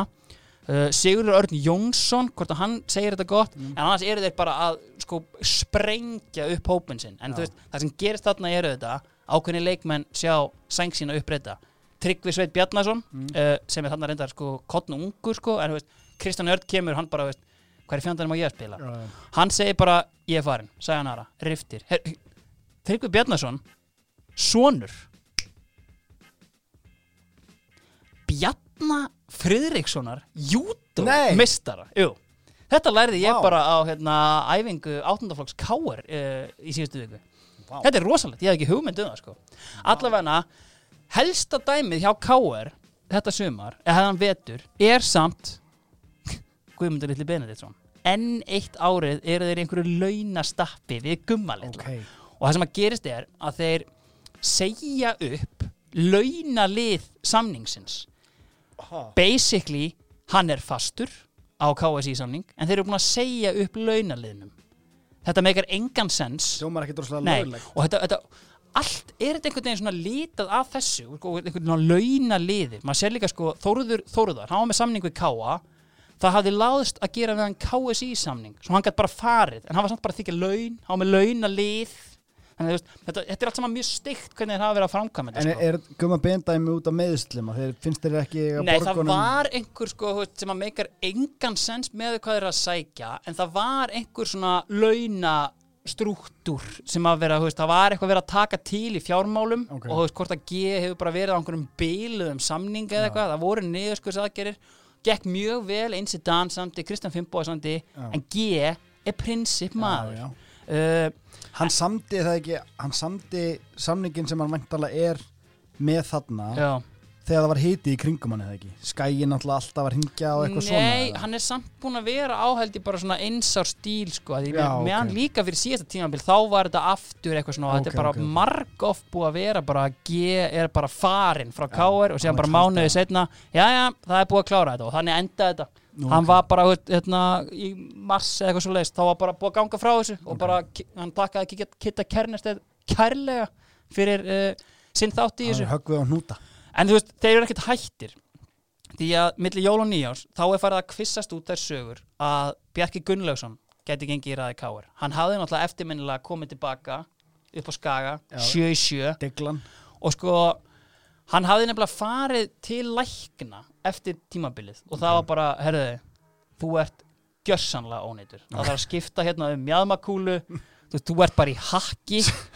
En Sprungin pannan. Já, en þetta verður ekkert verra sama hvað þú gerir. Þannig að þú veist, ef þú vilt spila fótbolta þá getur þú það alveg. Þú, veist, þú, bara, þú getur ekki orðið verri en þú ert. Og hann gat skakklakast einhvern veginn. Þannig að þú veist og 28. mars þá er það bara klárt. King Kitty Kernestedt bladamannafundur og það er ekki bara einn bald and beautiful sem er mættur. Það er annar með honum. Ok. Arnar goddamn. Gunnlaugsson er búin að fá sér lausan frá hörmulegri dvöl hjá Dundee United. Já. og þarna eru þeir að sæna Arnar og Bjarka bara þarna í mars. Shit. þannig að við erum með Einsa Dan, Gumma Ben Arnar Gunnlaugs, Bjarka Gunnlaugs Sigurd Ra Eyjólfsson Veigar Pál Gunnarsson og Garðar Jó. Fucking þetta er einhver lastnasti sko septett sem að ég hef séð held ég bara. Bara og stærsta spurningin sem að fans voru með hvað með Magga Flórida? Hvað á hann að spila? hann auðvitað fór aftur í hauka hans tími var hérna, hans tími var liðin allavega en auðvitað eins og ég komin á hann Changing of the Guards, Þormár Eilsson leggur skóna á hilluna Káur í einhverju stórmennsku brjálaði eru farin að reyna að fá Pétur Martins líka Já, já. en það, hérna, það gekk ekki þeir, snemmt. þeir eru auðvitað þeim eru auðvitað spáð titlinu með þetta sturlaða lið og, hérna, og bara hérna, þú veist, as is tradition Já. og hérna, en þannig er allan staðan hérna förum í önnu lið uh, sko, Reykjavíkumestrar þessa tímabils voru fram og það var ákveðin bjart síni þarna, veist, það töldust vera búnir einhvern veginn að koma einhverju skikki á þetta Herra September, uh, Andri Fannar, ungi leikmenn, Stefánsson Gilva? Egger Stefánsson, sexy og góður Já, já. veist að það var mikill meðbyr með þeim og þeir sækja líka þeir fá Ragnar Átnarsson frá stjórnunni Mm. og þeir fá tvo svona hálgerð One Club Legends Gumma Steinars og Kristinn Tómasson. Alveg rétt. Þannig að það er sko, þa og það er bara svona Já, að því að. Þorbjörn Atli var eitthvað mittur hérna í upphafi móts þannig þarna á veist, sóknarleikun er bara klár. Það er bara Kitty Tom og Gummi Steinars að hérna rölda hana frammi. Annað, loka sæning flugmaðurinn Baldur Bjallarsson tekur fram skóna ætlar að töfra vel eftir þryggja ára pásu. Þannig að þeir eru bara í hérna helviti flottum málum. Hann heldur sér, við vitum það. Já, já, 100% Engar áhyggjur af því. Skæin. Þar var heldur betur drama líka. Ef við vorum að tala um hérna Markmannamálin í Grindavík. Í november Þá fer þetta með samningamálin hans Þórðar Þórðar að kvissast út. Hann er ekki að finna vinnu við hæfi á Akureyri En það er með starfstilbúi Reykjavík sem að ætti að ganga og hann er enginn Páll Eistedd Guðmundsson Nei. sem auðvitað vann á Ólafsfyrði og spilaði með IPVAF þannig að hann getur ekki gert þetta. Og Ólafur Þór Pungur Ólafsson er auðvitað með samning. Þannig að þú veist bakarinn er fengin í viðtal bara nei, nei, nei, við erum ekkert að tala við Þór við erum ekkert að tala við hann. Og Óli bara, að ég er með samning ég ætlaði nú bara að tá, klára hann og fara svo til bandaríkjana Já, 19. desember fótbolti.net að reyðja sér til rúms. Yes. Stefán Þórðarsson og Þórður Þórðarsson er á leiðinni på Skaga. Bakari mætir aftur. Ég veit ekkert hvað maðurinn er að segja. Þetta byrjum ekkert að ræða neitt við það. Herru, miðjan í janúar Stefán Þórðarsson, klár. Og bara síðan hérna í byrjun februar Þórður Þórðar er mættir í markið. Rýtingur í bakið á, á Óla Þór Gunnars. Skagan er spá fjóruða sæti. Þeir eru bræður það ekki, þessi tveir. Jú, þeir eru bræður, þeir eru bræður. Og hérna pappar hérna náttúrulega Þórður er pappi hvers aftur Stefán Þór- Teits já. og uh, sonur hans hérna, Stefáns er hérna Oliver sem er í hérna Nörsöping líka og hann Já. spilar ekkert en bara meittur í tvö ára eða eitthvað Já, já, já. en hérna, bara enn einir stóðhestarnir einhvern veginn fyrir akrarnir sko Þetta er ótrúlegt Herðu, uh, það var mjög áhugavert sko, þú veist, þegar vorum að fara yfir hérna DFF var með svona, veist, bara sína venjubundni yfirferð, veist, Óskar Ófegur bara að fara yfir liðin og og þá geggjaða fítur sko, þú veist, þú- alltaf þú sér bara, þetta er leikmannahópurinn og alltaf með leikir, skástrík, mörg Já, það markmannunum voru þeir með leikir og síðan mörg fengin á sig. Kristján Fimboðarsson 182 mínus 175 það er bara gett að highlighta það bara, hann er búin að kosta liðin sín 175 mörg þetta segja eitthvað en ef við fyrir bara í spána official spáin það var KR titillin niður FH og Valur. Ólíkt DFF, DFF hendi KA og Val niður, okay. alla við hana. Herru, Kalt. þá held ég að bara áður en við förum lengra að við getum bara henda okkur yfir í sumarið. Er það ekki hér? Mango Mango. You goddamn king. Herri, fyrsta umfyrin byrjaði með látum. Uh, Skagamenn rétt náða að merja jafntefli í Kaplakrika og hinir fallkandandir, Valur þeir skella Grindavík. Ok. Í Grindavík. Bjössi hreðast með sigumarki en hetja vals og bara hetja vals þetta tímabil er litli hreðarsson Jói hreðars, bróðir hans Bjössa. Hann er Já. þarna búin að vera á mála hjá val í einhvern tíma en einhvern veginn aldrei þóra að taka skrefið upp í eftir deild. Eru valur nýlegar þarna? Valur Já. höfðu komið upp hérna við förum bara yfir það. Þeir höfðu komið upp uh, úr efstu, eða, sérst, næstu deildinni ári áður. Eða, nei, fyrir ekki bara já, Já, já, já, eru mættir nýlegar já, og Láki Átna er að þjálfa lið. Ah. Og þeir Býtu, er hann búin að vera samfleitt frá því að hann tók við þarna Nei, nei, nei, nei, nei, alls ekki. Þá eru búinir að koma í millitíðinni Sko, byrjum bara. Kristi Björnsson. Já, hlýðamaður, ekki skíðamaður Ingi Björn Albertsson og Eyjúb Púrisic Já, ok, ok. Þannig að það hefur mikið vatn undir sjá að Láki er hérna í millitíðinni. Hvað er hann búin að vera að gera? Hvort hann var, ég veit ekki alveg hvort hann var að þjálfa yngri flokkana bara hjá Val eða Já, hvað já. sko. en allan að Valur Láki mætir hann eitthvað viðtal og hérna talar um að jú, við erum á eftir þessum en hér er bara engin peningur til.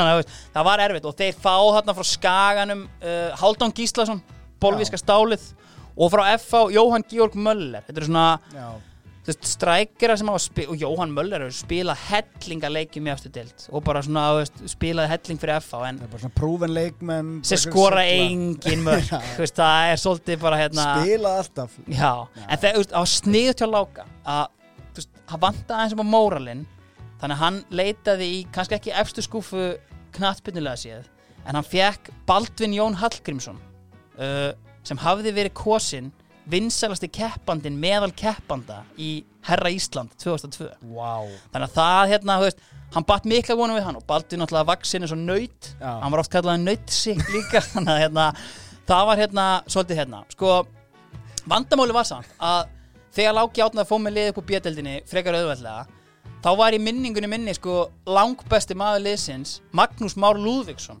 Maggi Lú, Já sem strækir. Já, fastegnarsali og meistari með meiri. Já. hann var strækir að í bjödeldinni hjá Val. Hann einhvern veginn sagði bara hmm, taka mér smá frí frá að hann var ekki með Val þetta tímabil. Guðni Bergs hættir þetta hjá Bolton og eru þetta instantli orðað við Val en þú veist, það er slegið út af borðinu og Val er áleika engan pening þannig að það er eitthvað. Herri, þegar Þóruður kemur upp á skaga þá fá valsmenn Pung Ólafsson Ok. Þannig að þú veist allt í góðu. Þú veist, ok, við getum byggt eitthvað ofan á þetta. Kitty Lár, hann tekur skóna aftur fram. Hann var hættur Já. en hérna mætir aftur. Menn eru svolítið í þessu. Eh, ég er ekki einu sinni búinn sko. Ólafur Litli Ingarsson, okkar maður sem var hérna fyrir sko fjórum þáttum að gera gott, hann er komin aftur tekur aftur fram skóna og þetta var svolítið bara stemmingin. Spáðfalli allstaðar sem er varnalínu sem er sko, þú veist, Guðni Rúnar Helgason Íslandsmeistari Já. og Ármann Smári Björnsson í Hafsendnum. Ok. Þú veist, Ármann Smári hafi verið hjá Teiti Þórðar í Brann. Þarna, þú veist, þetta hérna um veturinn og bara verið geitinn þar. Hann var bara, þú veist Brann var einhverju massíri fallbaróttu og hann bara kom inn, skoraði fullt af mörgum og hérna, og það var þetta mjög fyndi hann átti að spila einhvern leik en fekk ekki frí af því hann var í einhverju námi og hérna bara varð að koma og taka prófin sko. Ármann saði viðtalið að bæði faðir hans og skólastjórin í heimabæjans hotnafyrði þeir varu báðir búin að tala hans máli en ára ánangus Teitur Þórðarsson hafði ekki gefið upp alla von því að hann hafði rætt við bróður sinn Ólaf Þórðarsson um að tala málans gegn skólanum og fá prófunum að spæta skóli er þetta? ég veit, ég náði því ekki einu sinni. Og líka bara, höfst, en samt svo sniðt hjá Teiti að fá hérna inn mann sem, sem þekkir þetta háskóla tungumál í Ólaf ég ætla að skrifa hérna bríð Óli Þórðar á einhverjum fundi með einhverjum board of directors á einhverjum Ég háskóla opna hérna WordScat Gata drengurinn ekki að, að spila fótboltæðina Ha? Allan, ég veit ekki hvort að hérna, hann var einhver námi í tækni teikningum eða eitthvað svoleiðis allan að En hérna. sko, segð mér eitt Ármann Já. Smári Björnsson Já, er S-T-D-C já. Hann Þannig er hann, Dion Dublin, þarna- Chris Sutton já, hérna. en þarna er hann eiginlega bara orðin DSC sko. Hann Já, kemur ok, til Hann er vals. ungur framherri Já, og sko ég meina hann kemur til vals sem frammeri og spilar fyrst sem frammeri það er hvort það er bara á fyrsta tímabilansækja sem hann er bara færður einhvern veginn í hafsöndin sko. ég meina hann kemur til vals sem sko markaðasti maður Íslands þetta með Sindra og Hopnafyrir sko. Og hérna, en, en veist, það er einhvern veginn ég veit það ekki, veist, það var einmitt eitt sem að Óskar benti á í hérna, yfirferðinni sko, veist, jú, þið gætu fært Ármann Smára upp á topp en þá er vörðin shit þannig að það var, var einhvern veginn, hvað allar að byrja sko. en allavega, þeir vinna grindaði hérna í fyrsta leik uh, á öðrum stöðum, á lendu káaringar í alvöru basli með free-flowing sóknarleik þróttara, hinna nýliðana og þeir komast þarna yfir eftir 87 sekundur og þar var að verki 17 ára gammal töframæður og einn al efnilegasti leikmaður landsins Hjálmar Lilli já. Heldur betur að stimpla sér hver er að þjálfa þrótt? Ásakið tengiliðir í setja eitt bakur tengilið í bakur. Ásker El er að hérna, Vá. þjálfa lið og þeim var spáð svona spútniklið mótsins, þeim var Ok. bara spáð sjötta sæti eða eitthvað, að því að allt undirbúinistímabilið þeir höfðu bara verið að raða gjössanlega inn. Þeir skoruðu langmest, þeir töpuðu reyndar einu leik 5-11, en þú veist það Ah. skipti engum máli, það er bara geirið ég og hann sóknarleikur, tökum þetta næst. Já. en allan að við förum bara yfir af hverju spútniki er sko.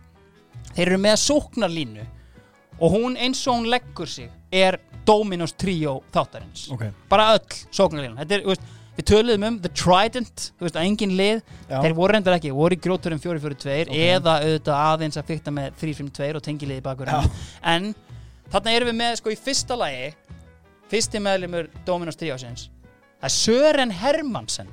Ok, mannst eftir honum? nei. Þetta er Dani sem mætir hérna, 33 ára og þetta er hörku helviti sífi sem hann er með. Hann er búinn að skora sko hauga mörgum, veist, hann spilaði með Lingby í efstu deild, uh, hann var að spila með Mechelen, bara í belgisku úrvalstildin Ok. áður en hann kom hinga, þannig að bara, veist, alvöru maður sem er mættur hérna. Hann var búinn að skora 15 mörg hann um veturinn og hann hafði komið um miðjan februar. Ok, Annar, Hjálmar var líka búinn að vera að raða inn.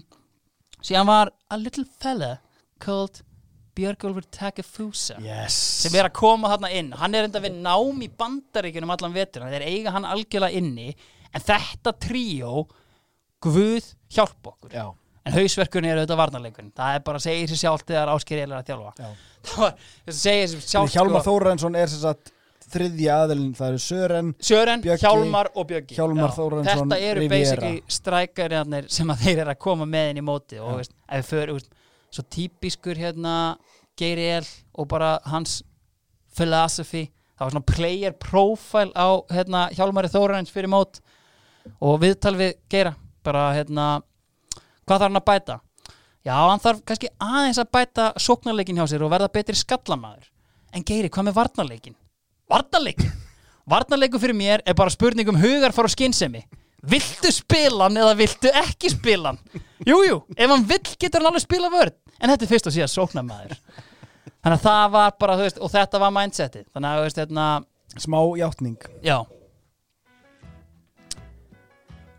Þegar ég var yngri, já. ungu maður Svona blood. 17-18 ára Þá fann ég Veskinir í bæ. Engir peningar En það voru kort Já. Og auguskýrtinni mm, Sem er bara mest valuable possession. Já. Hjálmar Þórensson, fættur Já. 85 Ég stakk því í vasan Og ég notaði þetta Til að komast inn á skemmtistæði lengi vel. Já, þetta var náttúrulega Þarna var hann sko miklu þekktari heldur en ég þurfti bara að treysta á að dyravörun fylgdist ekki með fótboll sem þeir gerðir enda sjálfnast Elvar Þór Karlsson og félagar hérna, ekkert að pæla í þessu sko. en algjörlega. Sko, Káringar unnur reynda leikin 1-2 með mörgum frá Arnari Gunnlaugs og Sigurði Ra Eyjólfsinni uh, auðvitað eftir stóðsendinga frá Veigari Páli. Það var bara svona það sem að þetta, ég var á þessum leik sko, og hérna, Bjöggi kom inn á hann hafði greinlega verið nýkomin eða eitthvað frá bandaríkjunum eða eitthvað og hérna átti skot bara í samskeitinni upp út tíma og það var alveg svona, þú veist goddammit þróttar, djúvill lítið vel út maður. Þó er hafið tapa leiknum. En þetta er svona dæmi sem ég vil aðeins taka fyrir og þú veist, ég man alveg eftir því og, veist, og sko lengi vel gerði ég þetta áfram og það var sagt, að mæta síðasta hálftíman á leiki. Já, Þú veist, það var ekki Valur skilur Valur var ekki að spila hann daginn kvöldleikur, kannski á sunnudegi þá fóru ég og pappi oft og tókum síðasta hálftíman í laugadalum það var oft algjör vesla já. Og mér fannst þetta sko mér finnst þetta svolítið vera horfið einhvern e, veginn. voru menn þá búin að hækka prísin það mikið að síðasti hálftímin er frýr. Þá bara á er engin lengur aðna og bara, bara eftir þig. 60 myndu. Og ég man svo vel eftir því þegar bara fyrsta skiptið mitt sem þetta klikka þá ætlaði ég að mæta á það hefur mögulega verið valstleikur þá kom ég hérna bara eftir 60 myndur þá eru bara enn þá menn mættir. Valur stjarnan upp í það Garðabæ. rukka mig fyrir hálftíma? Já, ég bara, þú veist fyrir ekki að ha, kunnið ekki Það að síðasti hálftíminn er frýr. Þetta er svona dæmi um bara hvað veist, stuðningsmenn og bara svona fótbolta áhangendur eru entitled gerpi einhvern veginn bara veist, svona er þetta og hefur alltaf verið. Það er bara þeir hengu þarna. Ég í hálftíma reynda sannfærin um að hleypa mér inn og hann bara hleypti mér aldrei. Segðu mér eitt, já, fyrsti leikur Já. KR að þróttarleikur en annan leikur. Þetta er fyrstilegur hvernig stilti Willum þessari sóknar línu upp? Ég skal bara segja þér það.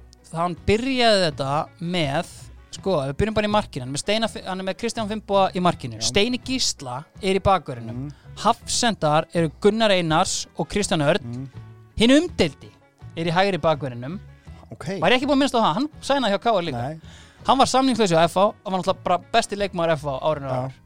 Hann bara laus samningur. Hleyp mér heim. Ég er komin heim. Wow. Herru 23 minutes in Slitið crossband Hinn umdeldi beint upp í stúku það sem eftir lifið tíðanbils Æ, æ, æ. Og inn í bakverðin kemur Sissi Júl. Og hann er þar bara veist, það sem eftir lifið móts Sko, já, tengiliður í bakverðinum Herru, sko, á miðjunni Hann er með Sigurinn Ólafs, Kitta Haflega Kitti Haflega spila alla leikina. Mm. Bara svona, helviti góð er þetta tímanbil uh, Eru sannilega sko Sigurvinn, Kitti Haflega Og uh, Bjarki Bergmann Og síðan vinstri kantur Einsidan uh, Arnar Bergmann upp á topp Og Veiga Páll á kantinu Ok, á bekknum eru Siggi Raggi Jón Littli Skaftason Júrdallurinn og Sissi Júl. Ok. GBN spilaði ekki þetta sísón no, það var jafn, jaml og þöður þarna, yfir samningnum hans Já. en veist, það var bara gjössanlega einskis að því hann var bara hilsulegs og endaði á að vera ráðinn óspilandi aðstofaþjálfæri hjá Willum hann á miðju tímabili bara að því bara einhvern veginn bara og lét vel að sér kveða.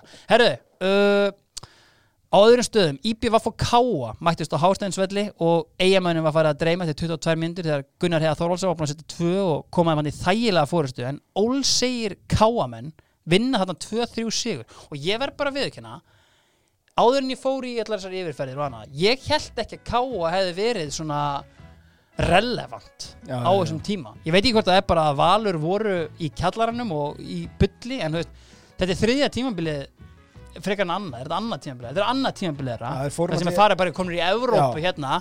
En þú veist, þú veist taka bara hérna eigamenn og, og pakka þeim saman. Byrjum á eigamennum uh, Maggi Gilva, hann er komin inn. Þóku Elú. Já, tekur við af Njalla Eðis og hans fyrsta verk er bara ég ætla að sækja Tryggva Bjarna og ég ætla að rifta við Tómas Inga Takk fyrir þitt framlag en þetta er komið gott. Það var bara basically pælingin. Tómas Ingi var bara svona já, ég var nú bara klár í nýtt season.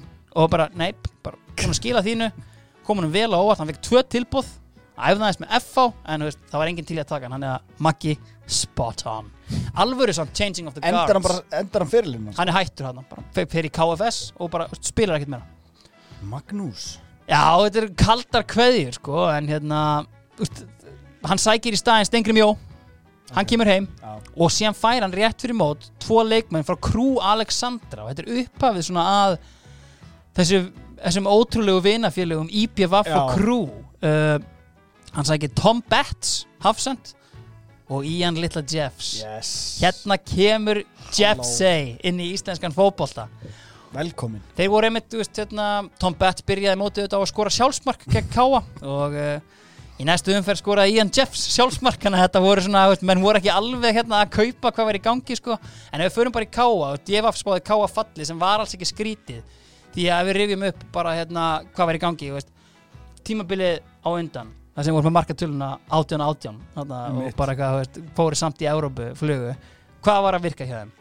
Kristján Örn og The Snake í markinu, Þórður Þórðar. Hann var kvattur hann var geggjað, snákurinn sko. Hann var kvattur með eftirfarandi orðum á stuðnismanna síðu Káa Þórður er vist einn af þeim sem er skemmtilegastur þegar hann sefur því þá eru minnstar líkur á hann opni munni Nei. Hann má eiga það blessaður hann er góðu markmaður að stóða sér vel í sumar. En það verður líka að hafa svolítið gaman að þessu það ekki? Brosa svo litið á svona. Ótrúleg umæli sko. Herru, en þeir fá samt sko þeir að bæta sóknarleikin og fá fyrirlega völsungs uh, einn efnilegasta leikmannlandsins Pálmar Rapp Pálmarsson. Þarna er hann væntalega 19 ára. Uh, hafði hérna gert gott mót í uh, öðrum flokki innanhús verið Íslandsmeistari með þeim uh, völsungi og bara sæna eftir það. Hann er 84 hann er 84, já, já. einmitt. Uh, þeir fá reyndar líka markmann í staðin fyrir Þórð, það er hann Dani uh, Sören Biskoff og norðmannin Steinar Tanden. Uh, maður sem kom hérna með markarekordið 81-88 úr dönsku þriðutildinni Ok. En skoraði þessum leikum á DBF og bara góð fyrirheit. Við höldum áfram bara að því að valsmenn hérna heldur áfram á Sigurbrund þeir rústuðu eigamönnum í umferð 2 Jói Hreiðast með 2, hann átti að koma með 3 mörg og Árumann Smári er komin á blað. En þetta er náttúrulega kunnulegt stef hjá valsmönnum í upphafi móts uh, We've been here before. Og þeir fengu alvöru skell í þriðju umferðin upp í Kaplakrika. Töpuð þar 4-0 sem var þarna uh, fyrir FH sem voru að vinna sem fyrsta sigur, ég var á þessum leik. Ólafur Þór Gunnarsson með gjörsamann blöndir. Valur voru sem ég búin að vera betri fram að því einhvern veginn, síðan kemur bara eitthvað skot sem að legur undir hann. Jón Þorgrímur, The Snake með alvöru fagnaðalætið þarna Þið fram að stúkuna? Já, já, bara beint, bara, nánast bara í Joe ert að horfa, það var já. þessi sko. Og síðan rétt fyrir lók fyrir hálfleiks að rætu Benedikt Bóas reka sig út. Þetta var hörmuleg ferð upp í Kaplakrika. En Kaplakriki þar er mættur kunnulegu maður Já, Ólafur Litli Davíð uh, Jóhannesson. Já smíðum lið. Og þú veist, menn hafa alveg sko efasemtir um þú veist, hvað hann er að fara að gera þarna Ok. Þú veist, bara, þú veist, Óli kemur Jó þeim ekki, nei, hann er ekki með á árið áður. Hver er með á? Siggi Jóns. Það hafði þetta verið vombriða tímabil þarna, Alveg veist, þarna, sem ég bara björgu sér í loka umferð við mann rétt og, hérna, og Siggi Jóns var bara rekin hann tók við vikingum, fóð með þá upprendar en hérna Óli var ekki búin að gera nokkuð skapaðan hlut. Menna, hann var það með skallagrim Já. síðan var hann bara eitthvað að þvælast og, hérna, já, hann var bara smíða. Og undir lok tímabilsins 2002 þá hafði hérna uh, Gunnar að maður uh, formaður ír, pappi Ólafs Þórs Gunnarssonar Já. hann hafði bara, Óli ég verða að fá þig hérna inn í síðustu fimm leikina. Og Óli bara, Gunnar ég er hættur. Óli ég skal borga þér í skíðaferð. Og Óli bara skíðaferð? Já takk. Þannig að hann tók síðustu fimm leikina með ír fór svo í skíðaferð og fyrsta verkefni hans eftir skíðaferðina er að Viðar og Djöfull hann held ég hann sé samt ógeðslega smúð skíðamann hann sagði með tjá í Gulla Jóns í Návi sko, að hérna, já, ég var mikill skíðamaður á þessum tíma. Þannig að ég sagði auðvitað já. Jaðmirnar sko. Bara, síðan, hérna, síðan spurði ég hann reyndar eftir þetta. Gunnar, hvernig anskotanum dattir þetta í hug? Allavega hann er, sko, hann er fenginn hérna í einhverja, þetta er svona falleg saga, sko, hann er fenginn af Viðari Halldórs og hérna Þóri, sem var hérna formaður knaspinnar ás eða hvað, ég var hérna, í FH hann svona á að leiða einhverja nefnd sem á að finna næsta þjálfara. Og hann svona, já, á að heyri einhverjum mönnum og eitthvað og síðan segi við það bara Óli, þú verður bara að gera þetta. Og Óli, nei, ég er hættur ég er hættur, eða einhverja skýða fyrir handa mér ég er hættur, en á endanum tekur hann allavega við liðinu. Og hérna og, veist, og það er rosalega lítið sem kemur inn.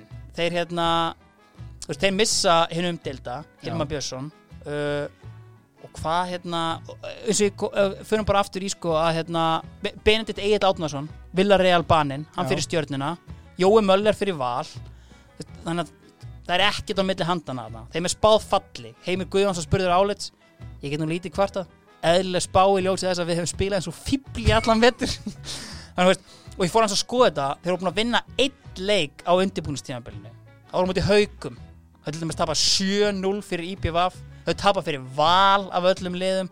Þannig að þú veist, Bjart síni var ekkert mikil. Jú, þeir fá þarna 19 ára gamlan hafsend Sverri Garðars tilbaka frá Molde. Og Dalvíkingin knáa Hermann Albertsson. Og jú, byttu sækja einn einhverja tvo Dani. Tommy Goddamn Nilsen og Allan fucking Borgvars Shit. Þannig að þarna og þeir koma inn sem svona frekar óskrifið blöð einhvern veginn bara eins og allir útlendingar. En þurfum að gefa ákveðinu manni kredit hér. Þessi leikmenn, þeir koma frá AGF og Óli Jó hafði vist skotist eitthvað til AGF bara eitthvað aðeins að leika sér eitthvað og, og hitta hérna Skíðar gamla félag, já, skýta þarna. Og hérna en hjá AGF er náttúrulega The Professor. Le professeur. Já, Óli Ó. Kristjáns og Óli er þetta aðstofa þjálfur AGF og hann svona einhvern veginn hann vantar ekki einhverja leikmenn hérna. Ég er með hérna einn ég einn gamlan ref hérna sem getur náttúrulega í hafsendinu. Og Óli, jó, úst, kannaðist við þessar leikmenn frá þessari fersin þanga þannig bara Tommy Nielsen, já tökum hann. Síðan ringir hann aftur bara, herru það með hann sókna mann hérna líka. Hann er ekki að fara að spila neitt hjá okkur ég ekki bara taka hann, Allan Borgvart Óli bara, já takk. Síðan mæta er hérna og Óli hafi bara stórkostlegar áhyggjur af því að þeir koma hérna að spila einhvern einn æfingarleik og veist, að því að stjórnarmenni vildi sjá það og, mm. og síðan bara, þú veist Óli vildi bara ganga frá samning strax sko. Já. en þeir mæta hérna þeir spila leik á evra gerfigrasinu upp í Hafnafyrði Já. það eru svona 40 metrar á sekundu og haglél það þarf að flauta leikin af eftir 40 mínútur og Óli sagði bara þarna fór þetta það er ekki séns að þessir menn stígi fæti aftur á Ísland en bara labba henni klefa bara Tommy bara hafði engar áhyggjur á Allan hann kemur með mér. Við erum klárir. Þannig að bara svona top professionals Já. bara ég til í þetta verkefni. Allavega eitthvað brewing hann upp í Kapakrika þriðja umferðin, Grindavík vinnur sinn fyrsta sigur þegar þeir vinna framara 3-2 þeir hefðu tapað fyrstu tveimur leikjunum menn voru ekkert allt og sátti með sjarparan hann virkaði frekar þungur, Já. og menn voru ekkert eitthvað mikið að gera. En í þessum leik þá smellur allt. Gretar Hjartar, hann var meittur hann spilaði ekkert þetta sísón hann bara datt út, það var svona von einhver en síðan bara algjörlega blöffaður út. Og hvað þarf Bjarni Jó að gera?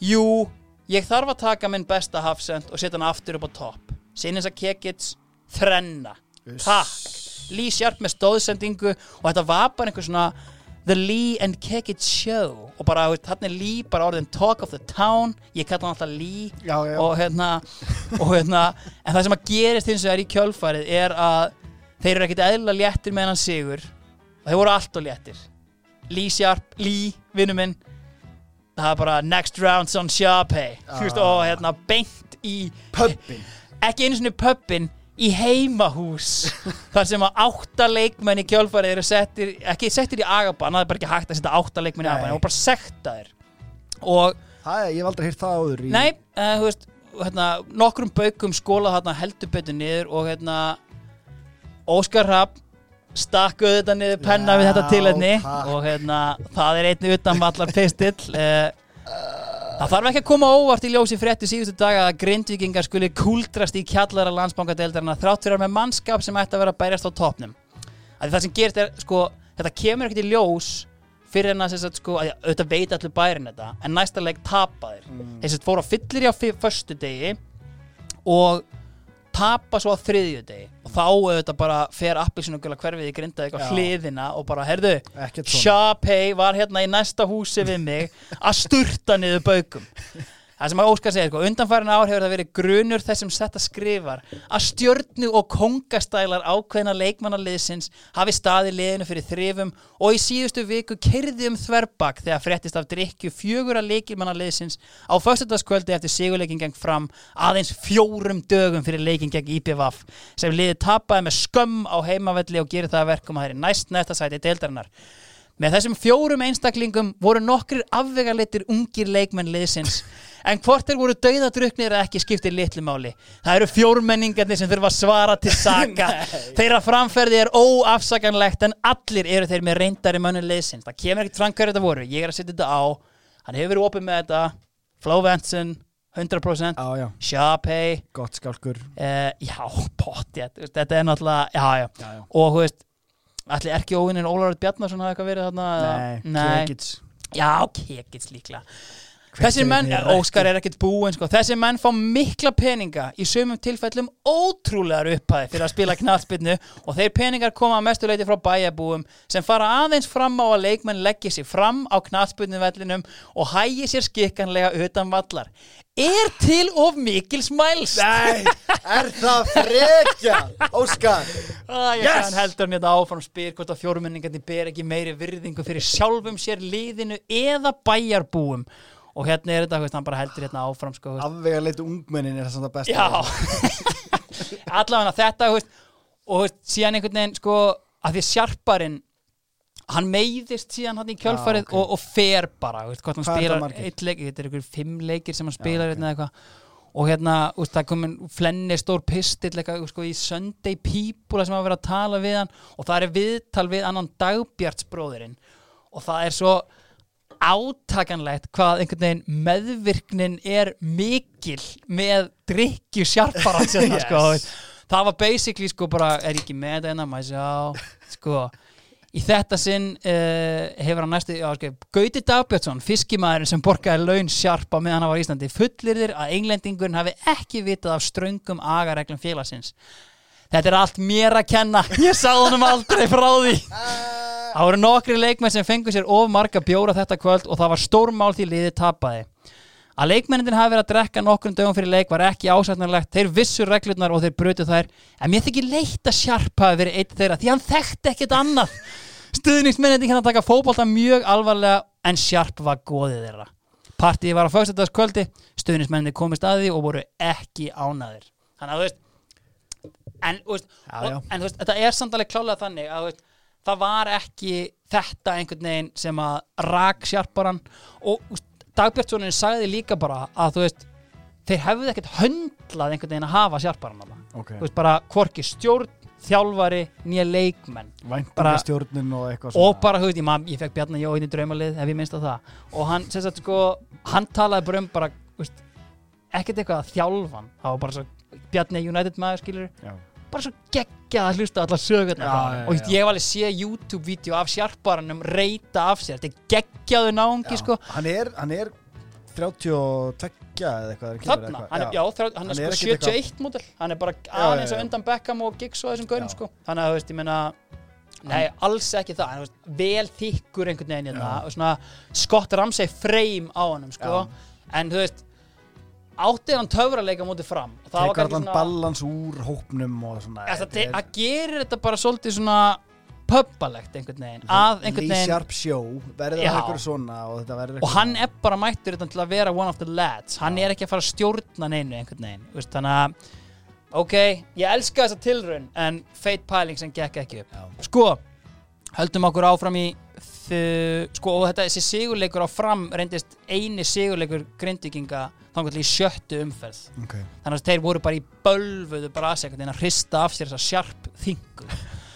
Stórleikur þriðju umferðar var auðvitað KRÍA en þú veist, með að við síðustu ár þá veit maður alveg að KR vinnur í í frostaskjólinu. KRÍA í skjólinu er alltaf KRÍA í skjólinu. Já. Arna Gunnlaugs í banastuði í 1-0 sigri. En KR voru eins og gjörsamlega flengtir í næstu umferð af baráttuglöðum KR-mannum 3-0 sigur, hreit rings með 2 eftir að Pálmi Rafnaði komið KR yfir. Hann hafði Er Totti með káa? Já, Totti er áfram með Káa já. uh, Þannig að hérna, allt í góðu þar. Og hérna, Káamenn bara á fínu róli. En veist, menn er ekki alveg að kaupa hver í gangi hann upp í Káar það er, veist, þetta er þessi stjörnileikmenn en veist, það er eitthvað off. Það er eitthvað ekki að smetla þetta á sama tíma vinna fylgir örugan 3-0 sigur upp í Kaplakrika og fara á toppin fylgir þið óvand tapaði umferðinu undan fyrir eigamönnum þar sem að Jeff, Jeffs Já. tókst loks að setja boltan í rétt mark. En fylgismenn eru bara áfram stórveldið í íslenskum veist, peningalega og bara svona einhvern veginn svoleiðis. Aðarstitt Víglunds heldur áfram með liðið og veist, bara byrjum þetta hér. Þeir segja Óla Palla Óla Pál Snorarsson frá stjörnunni. Já. hann var auðvitað þú veist, var á sínum tíma sko yngsti atvinnumæðurinn þegar hann var hjá Bolton og eitthvað svona. Ok. Uh, þeir fá líka Kjartan Antonsson Hvað var hann að gera í stjörnunni?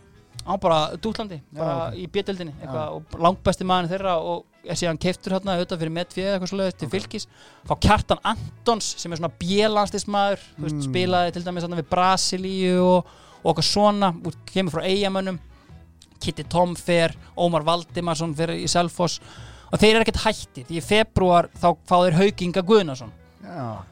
Haukur Ingi er rosalega hot property þarna og hann er bara byrjunarleismadur í landsliðinu Hvar er hann hann? koma frá Keflavík ný ok. föllnum, og bara Keflavík ætlaði bara að ríg halda í hann en einhvern veginn, þú veist fyndið þegar maður skoðaði svona KSI staðla og eitthvað, Mm. bara verðmætustu leikmenn deildarinnar voru, eða bara landsins, voru bara í Keflavík bara Þórarinn Kristjánsson, Haukur Ingi Guðnason, bara eitthvað, þú veist ógeðslega steikt Bara kaggi að skila youth En þann fyrir allavega inn í fylki og veist, kom ekkert inn á áðan en þú veist, Haukur Ingi er orðin svona hálgerður Rúni Júl veist, landsins, hann er reyndar ekki tónlistamæður en hann er hérna einn efnilegasti leikmaður deildarinnar. Hann er með sætustu píu landsins samkvæmt bara fegur að já. þannig að þú veist, menn byðu bara eftir því að hann færi í stúdíu og tæki upp yfirgefin ást að skýti um skóm en það eins og gerist ekki. Og þeir eru ekkert hættir sko. fá Ólaf Inga skúla á láni frá Arsenal. Sækja veist, fyrir framtíðina. Eyjólf Héðins frá IR Max O'Nine frá þínum mönnum. Hérna, Magnús Már. Uh, Andristitt Birgis kemur frá fjölni. Og bara rétt eftir að tímabilið er hafið fyrir metfé keiftur frá Peterborough af velunnurum félagsins Helgi Valur Danielsson komin aftur, þannig að þú veist við erum alveg með sturla lið hérna og Haukur Ingi byrja þetta tímabil bara klikka vel sko. Og þetta er svona, það er verið að stoppa í svo mikla eyður en þú, þú, ert ennþá með Það er engin farin, Kitty búin að. Þú veist, En veist, það er samt svona að vera svona fasa hana aðeins út sko. En þú veist, þú ert ennþá með Sæfa Gísla út með Hrafgil Helga, út með Sverri Sverri þarna að skalla boltan í netið Finn Kolbeins Algjörlega, já, Finnur Kolbens, jú, hann var hann líka. Já, já, já, allt í góðu. Herðu, uh, rosalegu gluggi Já, Og líka bara, veist, það sem að, veist, bara tikka inn Eyjóli Híðins bara fyrir framtíðina. Þannig að veist, þeir voru greinilega að pæla í öllu þarna. Herru, eftir fjórðu umfyrirna þá er silt inn í landsleika gugga og ég get sagt þér það ári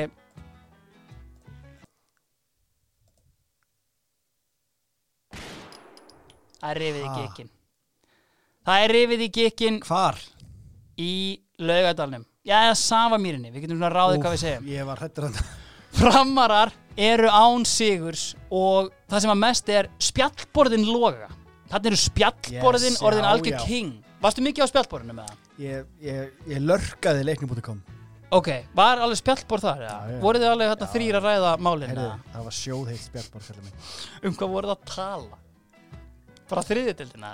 Kannski ekki akkurat þarna, einhverjum árum setna Nei, ég man sko, ég held sko, ég á Jói Nistelröð akkántin er stopnaði 2003 sko, á manju.is sko. Já, Ég samt einhvern veginn náði aldrei að verða punktjúpur á þessum íslensku spjallborð. Það bara gerðist ekki nógu mikið. Það kom ekki nógu mikið af topics og það svona. var leifupur.is í mann eftir þessu þú segir það Mm Ég laumaði mér þar inn, Já, leti í mér heyra. hvað, hvað, hva, þú hérst eitthvað potið Ég hétt Jói Nistelröð. Nú, ok, Já, já, var bara, og ég let mér þess að Byrtir allt undir nafni Já, já, já. Ekkert nafnleysis Ég hérna let einhvern gæja búa til svona, þú veist, alltaf svona undirskriftamynd fyrir mig. Já, Að já. Mynda Nistelröð og Jói Nistelröð í var það hodninu. sami drengur og þú lest gera skjámyndir á símaðin Nei, já, reyndar annar Þetta var einhver maður Þetta var bara einhver gaur sem bauð upp á svo Þú þjónustu hefur bara free verið of með charge persónlega hönnunadeild frá Já. því þú varst bara krakk. Já, já, og er ennþá með í dag. Vá. Ég þarf eiginlega að heyra í þessum gæja sem bjóti Fá þennan gæja sem var að búa til allar þessar undirskriftamyndir í DMs hjá mér, takk.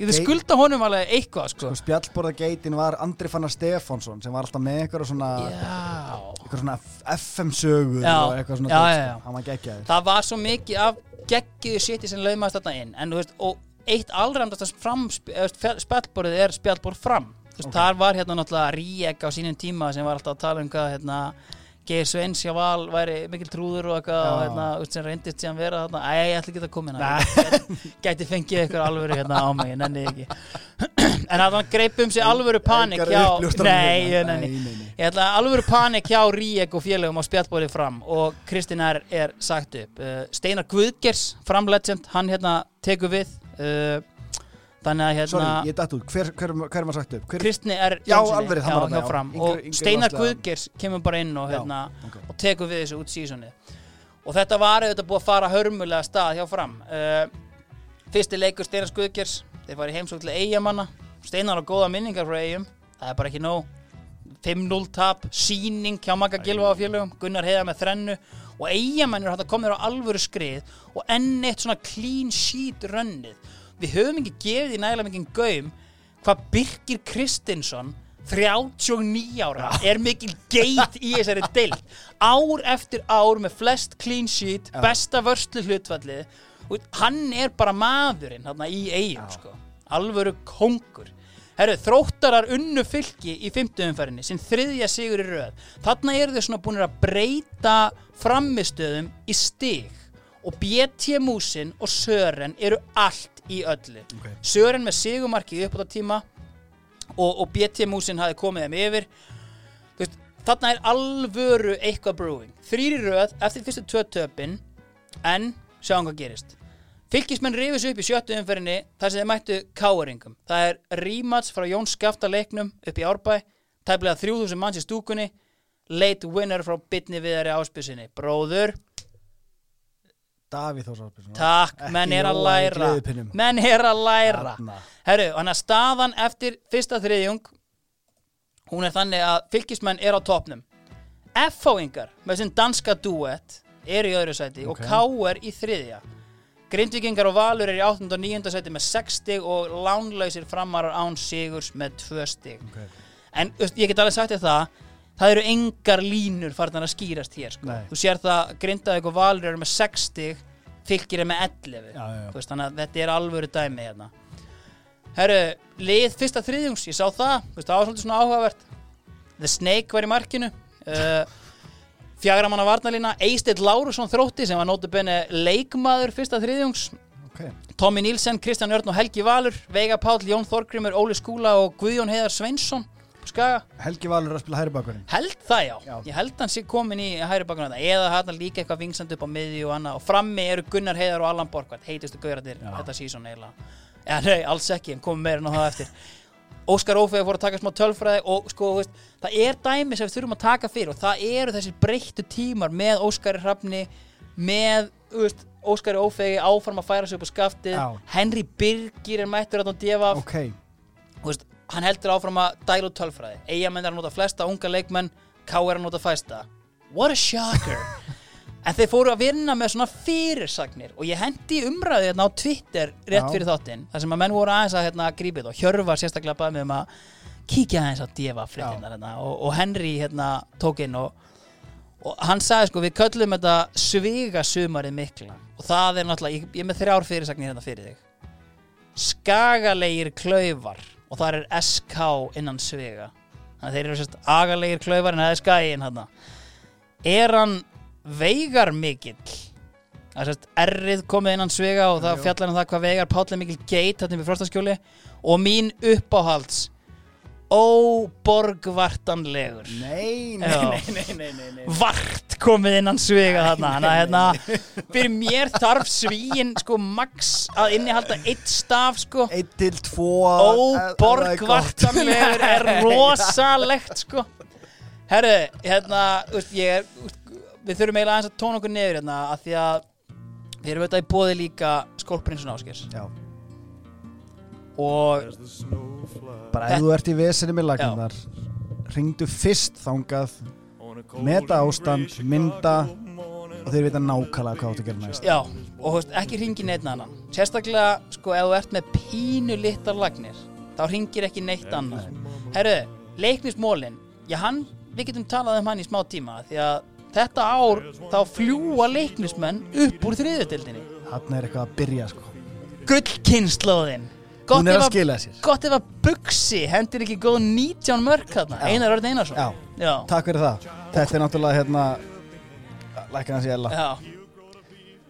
Þetta er náttúrulega hérna upphæfið af svona nútíma leikni. Þú veist, við erum að, við erum að verða klúpið þarna. Ok. Spjallborð Honum er spjallborð. Já. Alltaf verið .com líka sko. Já, það er svoleiðis. Já. Bara eins og draumaliði.com Já, Sko- Það sem er markvert fyrir mér við þetta ár Ég hérna Ég man alltaf eftir því að við rústum reyðlunum okkar. Já, Þetta er þriðadeldin, það eru fjóri reyðlar eða eitthvað.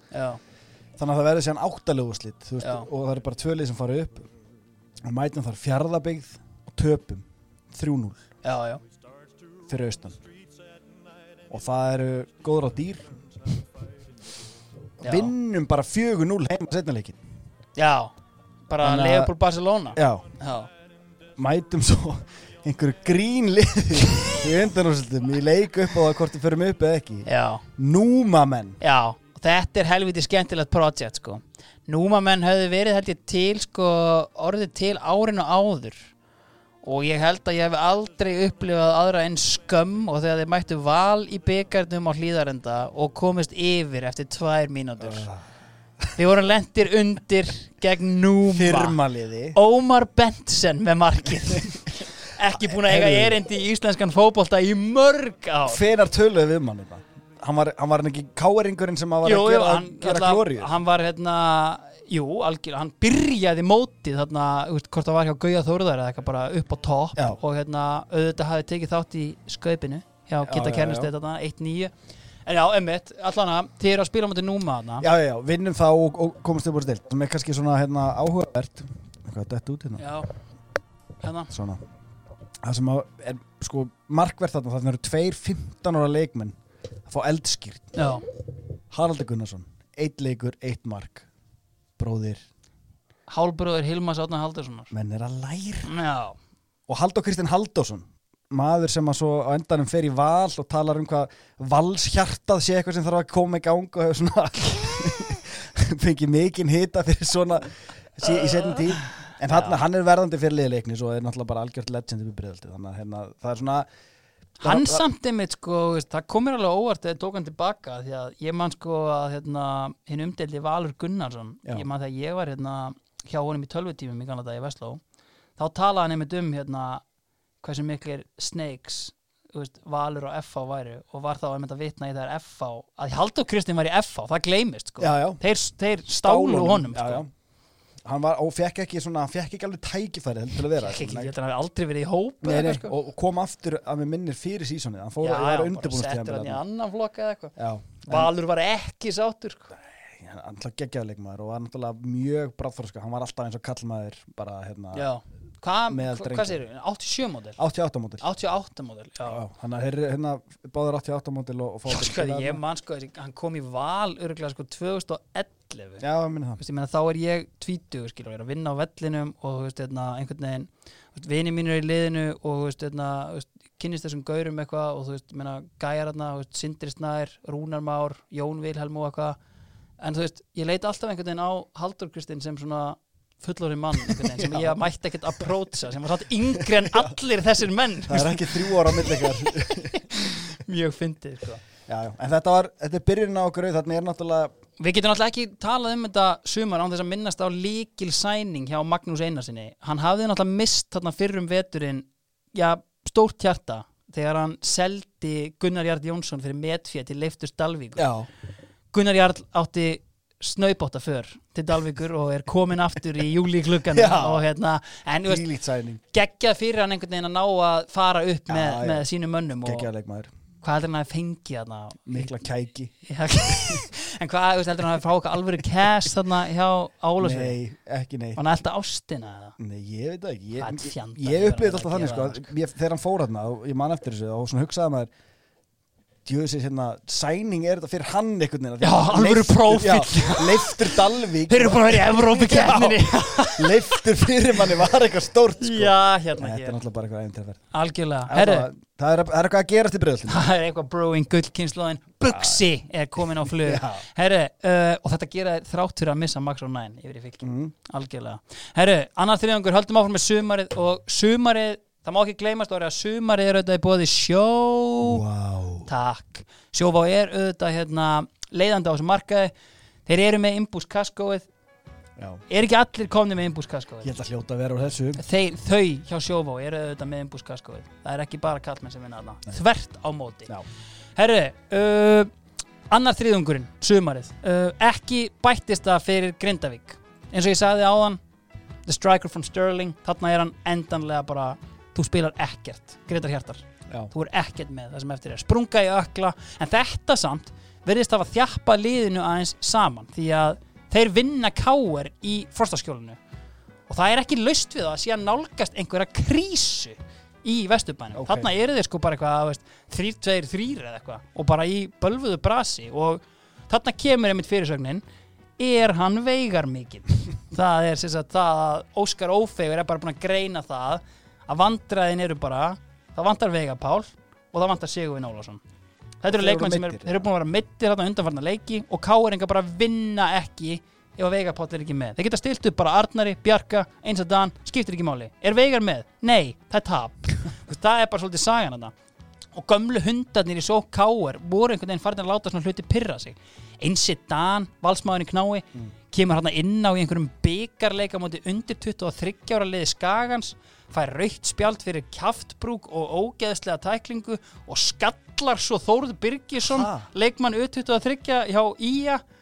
Káringar endar hendi einhverja yfirlýsingu eftir þetta. Allir leikmenn Káir bara umæli djefaf er eitthvað sem eiga aldrei að viðhafst. Og eitthvað voru eitthvað að verja einar og eitthvað allan að, Var Óskar trú- eitthvað að láta hann heyra eftir þetta? Nei, veist, það var svo sem ekki veist, Óskar tók þetta nú bara kassan sko, það var engin utan vallar pistill fyrir þetta sko. en veist, það er allavega það er vandræði í Vesturbænum á þessum tímanbúndi á sama tíma þá vinna valsmenn Káa eftir fjóra tapleiki röð uh, og enn eru það bræðurnir Jói og Bjössi sem sjá á markaskorun uh, Skæin og F á gera jafntefli og framarar vinna síðan sinn fyrsta sigur aðeins eftir þegar vinna F-áinga í Kaplakrika. Og þetta gal opnaðir deildina á toppi og botni. Áskir Gunnar og Jónas Grani virtust vera að tryggja F-áingu sigur en undir lokleiksins það er aðeins farið að skikja flóðlöfsinn byrjaði að lýsa vel inn á völlin nei. Steinar Guðgers horfir á bekkin aðja, þetta er verkefni fyrir Carnell tvö skallamörk frá konginum ofbyrta í augun á daðalár skín í gegn 2-3 fram. Vá. Herðu, í áttundu umferð þá næri þetta þróttara æfintýri nýjum hæðum. Bjöggi takki fúsa hendur í þrennu í 1-4 úti sigur á FH FH-ungar í bölvuðu brasi, búin að tapa hann fyrir fram og, og þrótti, sögurinn auðvitað með fjórðamarkið og þróttarar eru komnir á toppin í næstu umferð þegar þeir vinna eigamenn. Nei, sorry, þeir unna eigamenn í umferðinu áður Já. og eru þarna að henda sér á toppin. Þarna hafði sko, voru búin að, þetta er, sko, þetta er að vinna sko fjórða leikinn sín í röð eða eitthvað, jafnvel fymta og á þessum tíma hafði Páll Einarsson fyrirliði og svona andlegur leiðtogi þróttarana kom inn í lið og þú veist en Bjöggi var að taka þetta fyrirsagnar en þú veist Bjöggi sagði bara, herru við erum allt tómi kjúklingar og Páll Einarsson er pappin í þessu liði. Já. og það vantar mikið í liði þegar pappan vantar. Og ég sko heyrði út undan mér að þú veist hann var aldrei kallaði Palli Einars á æfingarsvæðinu, hann var alltaf kallaði pappi Einars. Yes. Þannig að þú veist, það var í rauninni bara þú veist, þegar pappi kemur inn í liðið Það er eitthvað skrítið þá einhvern veginn þetta er náttúrulega hauga líf ég ætla að halda mig við þetta sko. þannig að hérna og hérna einmitt, uh, Káurinn er loksins að rétta úr kútnum uh, vinna FH sem virðast í algjörlega frjálsu falli, Garðar Jó og Veigar Páll með mörkin og sama tíma heldur valsmenn áfram á sinni siglingu því að þeir vinna fylkismenn óvænt á heimavelli með marki frá bolvíska stálinu sem náði loksins að tróðanum hann í netið, Haldan. Gísla Þróttar halda bara áfram. Sören og Bjöggi með mörkin í 2-1 sigri á fram Hver annar en Baldur Bjarnar með mark framara Hér kemur pappi Einars í viðtal og segir að liðið þurfi eitt sigur í viðbót og þá er mark með tímabilsis náð. Eftir tíu leiki, það er konið með átján stig. Já, eitt leikur í viðbót. Þá erum við búin að ná markmiðin okkar Já. sem er væntalega 21 stig Já. og þá bara safe. Hvað endar þetta eiginlega Eru, og með gumma ben með feita lummu og í þjálfarúlpu þá fóru káinningar að rétt úr kútnum. Hann er þarna komin að aðstóða þetta og þeir stoppuðu svona þróttara þvæluna sem væri í gangi þarna. Kitty Haflið og Bjarki Gunnlaugs með mörkin í 2-1 sigri. Við þróttur á toppnum þegar þeir vinna þennan leik hérna svo tala um komin í átjón stig Já, á toppnum. þá fara þær á toppin Já. það er eftir átta umferðir. Ok, þannig erum við komin held í nýjöndu eða tíundu umferð og þá tapa þær fyrir Já. það sem að gerist þarna er að Áskir El hann einhvern veginn svona prófessorar yfir sig. Já, hann er þarna komin á toppin hér að fara að mæta káar ég ætla aðeins að tvíka minn leik. Hann setur Bjögga á bekkin Björgólfur er þarna búin að skora sex mörk í síðustu þremur leikjum einmitt. og hann bekkjar hann. Uh, það er engin leið að átta sig á hvað var í gangi þarna. Ég heyrði sko hérna hvort það var Hjörvar sem var að segja mér þetta bara áðan. Já, að Bjöggi hafi farið í eitthvað svona viðtal eitthvað svona mannlífsviðtal með gerði það, sinni. Já, gerði það, það er rétt. Og hann hafi verið svona, hérna, þetta hafi verið eitthvað svona hann er of stór profíl, þú veist, hann er of merkilegu með Já. sig moment eitthvað. Og hann hafi svona þannig það er svoleiðis vangavilt, já, svona mér finnst það samt ekki geiralegt. Ég þekki mannin ekkert. En þú veist, hérna, veist, mér finnst það samt svona einhvern veginn, ég, svona ég sá þetta viðtal sko, já, hann, menn, menn hafa augljóslega velt þessu fyrir menn hafa velt þessu fyrir sér að þetta meikaði ekkert sens nei, en sko Bjöggi kemur inn á í hálfleik og það sem er sko að því prófessorinn er algjörlega búin að tapa sér því að veist, hann tekur hann að velli Sören Hermansen sem var að sko mörgum búin að, Óskar Ófögur sagði bara þetta ekki alveg. Hann var að eiga sinn besta leik fyrir þrótt. Já. bara svissar honum sko. Meirum þetta á hérna eftir, kriðum þetta aðeins tingarir Svo, uh, hvað erum við komir í hérna? Uh, Grindvíkingar, þeir eru í þvælunni. Uh, Sjarparinn er farin. Uh, hvar eru þeir eiginlega? Ég er með þetta hérna. Uh, Kósi gýr hjá Fylki og Káar. Þeir eru hérna komin á toppin ef við erum svona nálgast lokin á öðrum þriðungi. Já. Uh, þeir eru með fjögurastega buffer á Grindavík sem voru gjössanlega allt aðrir eftir að þeir gáfu já. stígvilið. Unni einhverja fjóra leiki hérna í röð og á þessum tíma er sko Káar farnir að réttu kútnum að því að Veigar er komin inn og hann er búin að koma að síðustu nýju mörgum káar í síðustu fjór þeir eru búin að spila fjóra leiki eftir að hann kemur tilbaka. Já, hann er búin að koma að nýju mörgum í röð. Vá. Veigar mikill, það er alveg klárt. Herru, uh, fastu liðin sem vanalega, þeir vinna Skagan 2-3 og fara þá á toppin með fylki. Uh, veigar lagði upp öll. Herru, síðan komum við hérna á eftir þessum liðum þá fylgja FH, Þróttur, K.A. og IPVAF þar fyrir neðan og Skæin er í alls konar brasi. Uh, þeir eru hérna með 14 stig uh, vesinni hjá IPVAF er síðan slíkt að þeir hóa aftur í Inga Sig. Hann var hættur. Nú, Nei, hann ætlaði bara einbættis að vera borgarstjóri. Já. En vandamáli þar var að það var rifið í gekkin Ha? hann var rekin sem borgarstjóri. Nei! Fáum þetta einu sinni Desert Eagle bara, hann, hann var nefnilega ekki hann var ekki kosin hann var, hann var svona Þórólfur átna hann var ráðinn borgarstjóri. Hann var bara svo mikið sameining að tákna þetta í bænum að hann var bara starfsmára plani hjá bænum. Ok. Hann var bara rekin og þá fór hann bara beint aftur á æfingu. Ekkert betra að gera. Herru, komum hérna á hann sko, vorum að tala um skagamenn og brasið þar og þar komum við inn á þar sem að hérna, nýliði breiðfjörð, hafliðin. Já. Hann var búinn að vera að í að þessu einhvern veginn að það væri allt í upplýst þarna menn var orðnir þreyttir á Ólaf Þóruðar uh, æfingarnar leðilegar og úst, meina, það, það gengur illa hjá skaganum úst, meina, Óli þarf að fara í viðtöl og þá er náttúrulega bara eitt. Hann raunar yfir menn úst, það er bara þannig. Og úst, ég bara þetta aðeins undir Gulla Jóns. Og Gulli hafði svo sem á þessum tíma gefið út yfirlýsingu bara. Og það var bara þetta er ekki rétt. Hér er allt í toppmálum og við ætlum bara að gera þetta og það er svo geggja þegar ég hef borið svona undir gulla þá fæ ég alltaf sama svarið við notuðum þetta sem eldsneiti og kerðum á þessu Já. skaga mentalityið og bara ég, ég, ég sendi líka á hann, gulli, þú veist, áttæri þið á því bara að allur þinn tími upp á skaga er þú að keira á einhverju heift gegn blaðamönnum? bara, já, það var bara þannig. Það er kannski það sem Yes. þeir eru að gera núna. Það er bara geggja að sjá þetta. Móti valsmenn heiminum sko. Já, valsmenn og fram eru samt á botninum í skítamálum. Þarna leikur í tóltu umferð og þarna þarna sé ég í hvað stefnir. Ok. Ég er á skiltinu á gamla hlýðarenda Já. að setja nú, Mörkin, já, inn sko og veist, við erum cruising í þessum leik Valur FH uh, Haldun Gísla er búin að koma okkar inn í 2-1 með flugskalla. já, já, já.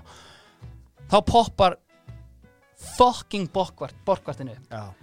Bara jafna leikin hérna og síðan dagger í lokin. Og þarna sé ég bara fuck við erum að fara niður. Að ég, ég fann svo innilega á mér þetta eru þrjú stíðin sem við þurfum burt af botninum í Evrópubaráttuna nei, heldur betur ekki. We've been here before. Já, það er nákvæmlega máli Valur fekk hérna síðan í glugganum. Svona, þú veist, ein af svona hérna, eina, eitt af sönnunagögnunum sem að hérna sem að þeir höfðu uh, haflið og félagar Já. var þess að Ellert Jón Björnsson hann skipti yfir í val stóðsendingavélin Já, sem eitthvað marka, já, hann er já. Já.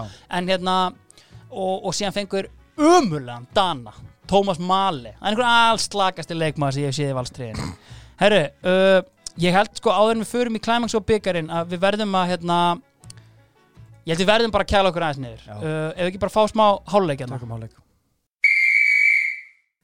Háluleikurinn er í bóði lengjunar.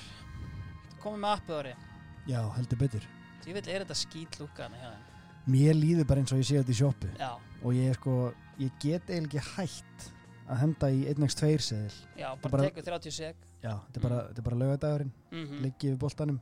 Þetta er einmitt svo gott, þú veist, þegar maður er að vakna snemma með krakkan hmm, spennandi leikir.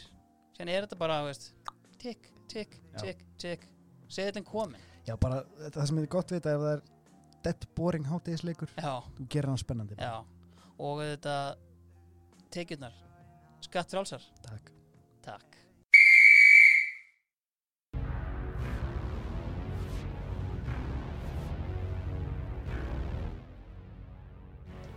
Climax og byggarinn við höldum áfram. Sko það er eitt sem ég verður endur að minnast á hérna.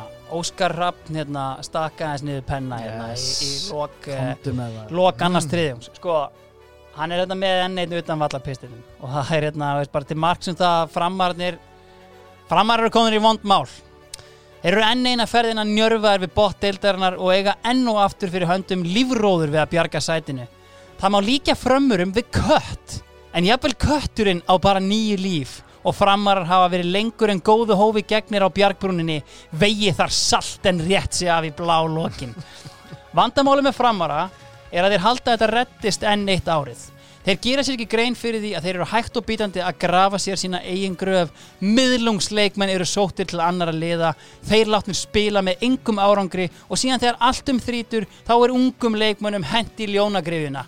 Það er leitun að liði á vesturlöndum undan farina áratuga sem hefur haft jafnmarka meðaljóna innan bors og fram og því fyrr sem þeir losa sig við á þeim um betra. Sömu menn hafa dreigið vagnin fram og tilbaka, fram með stóru effi hérna Yes. í botbarátunni undan farin ár og ég spyr, er ekki komin tími til að breyta? Er ekki komin tími til að gefa ungu strákunum almennilega tækifæri í stað leikmanna sem hafa löngu sannað að þeir eru í besta falli lélegir? ungu leikmenni get ekki verið verri og það er von í þeim, hinnir eru vonlausir. Þetta er geðveikt sko. Uh, takk fyrir þína, já, algjörlega. pistillinn. Og það sem að gera, sko, framar að lesa hennar pistil, hann hefur örugglega verið byrtur á af því það sem þeir gera bara, þú veist, ég veit enda ekki hvort að það var þeirra frumkvæði, en Gummi Steinars og Kitty Tom, þeir eru bara farnir, Ok. bara fengið nóg, Gummi Steinars gæti ekki neitt, Kitty Tom spilaði eiginlega ekki neitt, þannig að þú veist, þeir eru eitthvað svona aðeins að taka til, eða hvort það var tekið til fyrir þá, það er erfitt að segja, sko, Það er svo hart að kalla þá tvo meðaljóna Já, sko, er bara, þú veist, já, já. vonlausir er, en það er líka aðeins farið að sýrta í álinn hjá nágrunum þeirra í þrótti eftir þessar taktísku breytingar hjá Geira El okay. hvort það er aðna í tóltu umferðinni þá fær Charles McCormick útlendingur hjá þeim. Raut spjald sem er kannski ekki frásögum færandi nema að Ásker Eliasson er búinn að byggja um skiptingu fyrir hann. Og hann er að lappa út af ekki sátur tekur boltan og dundrar upp í loft. Second yellow Nei. red card. Hann spilaði ekki fleiri leiki fyrir þrótt þetta tímabilið. Þannig að kannski er þetta rétt metið með Geira og viðtali við Bjögga að þú veist Engin er stærri en liði nákvæmlega, þig. það Já. er bara þú veist, algjörlega. Herru þróttur er hann komnið þrem stigum frá fallsæti eftir 13. umferð. Þegar tapa gegn val en eru samt auðvitað líka í Európa barátunni Djúvillig stutt á millin framarar eru í algjöru þvælu og Gummi Steinars, já alveg til, til marks um hvað Gummi Steinars var að gera hann var með lélegustu meðalengun DFF 1,7 það sem vakti aðtekli hjá mér Hvaða, upp í hvað er gefið? 6 það sem vakti mesta aðtekli hjá mér í þessu er að ekki langt á eftir honum er Sören Hermansen með 2,27 búinn að skora 8 mörg ég veit ekki alveg sko veist, Er hann pen merchant? ég veit, hann skora hann er, hann er 10-3 sísoni En förum kannski aðeins yfir þetta hérna, meira eftir sko, veist, hérna, þeir voru allan að engan veginn að lenna þessu og höfðu náttúrulega fært liðinu lítið og þeir tapa fyrir skaganum og eru með bakið við veg sko 6 stigum frá öryggu sæti hérna, eftir 13 umferðir. 14. umferð fara hlutinir að gerast. Fylgir og káir eru búin að stinga af business as usual í leiknum undan. FH unnu fylki. Nei, fylgir unnu FH og Veigar skoraði 90 minute winner á móti Káa og Káir ná svo ekki nema jafntefli gegn valsmönum á hlýðarenda í umferðinu á eftir. Ok. Eða sko í 14. umferðin segja Haldan Gísla kom völsurum yfir snemma leiks með mögnuðu marki og Sigurvin Ólafs jafnaði metin. Kitty Lár fær svo raukt spjald og Haldan klúraði endalst að döðafærum Valur hefði þurft þessa þrjá punta en ég, man, ég var á vellinum. Og þarna upplýði ég bara þú veist það er ekki sjens að við getum unnið káar Já, já, það var mitt mindset á vellir hana bara við komnir yfir Haldan Gísla búin að loppa honum utan af hægri kantinum bara, þú veist, í samskeitin fram hjá Stjána Fimboa bara eitthvað. Og þú veist, Það var ekki von. Nei og ég meina K er ná ekki svona klára við erum með einu fleiri, einu, eh, þú veist, einu færri Já, já. allan leikinn sko, allan þetta dugði K-eringu samt til að fara á toppin því að óvæntur Geiri El hendir í 1-5 sigur upp í Árbæ. Já. Fylgismenn þjóðatíð er búinn kallið minn. Haustið er komið og við erum komnir í sama brasi. Þeir hafðu haldið sko allan tíman að downfallið þeirra væri tengt við það að Hrafkell Helgason væri alltaf að fara eftir vestunumanna helgi í skóla út í bandaríkjana þeir voru búin að negla það þetta sumar. Hrafkell, þú ert ekki að fara neitt. Nei Óli Þórðar sendi bref hafði samband við svona sína tengiliði í háskóla samfélaginu og hérna gerði þetta. Sören hendi tvö, uh, hefur alveg tengið tvo í engun og Palli einast með þetta með, eða pappi einast með þetta mikilvæga sjötta mark og Já. Sóli Holm þá fyrst róaðist niður í, í stúkunni. Hérna eru þróttar að konar í þriðja sætið ásamt FA með 21 stig. Já, það eru 5 stig niður í níunda sæti þetta er galin deilt þetta er rosalega jæmt Framarar höfðu náði lífsnöðsynlega sigur á eigamönnum Andri Fannar Ottosson uh, með skallamark undir lokin. Svo framir á botninu með 14 stig Valsmenn með 16 Káa 17, Grindavík og IBF 19 IM með 20 ég þarf bara að tellja upp hálfa deildina Já, meira til að tala um fallbáratina Herru, 15. umferð og hér fáum við alvöru leik. Ég ætla ekki að segja pallaleikur þetta er 15. umferð, en það er Káar fylgir liðin eru, þú veist, með það er Káar eru einustu í yfir. Þetta var aldrei leikur. Bara 4-0 sigur, Káar Arna Gunnlaugs vaknar hann loksins Já. bara fyrir alvöru, hendur í þrennu. Vegar að sjálfsögðu með hittmarkið og hérna ná Káar fjögur að stega fórustu á topnum, sko, línur skýrast að því að það kemur smá gap á allt einhvern veginn hérna.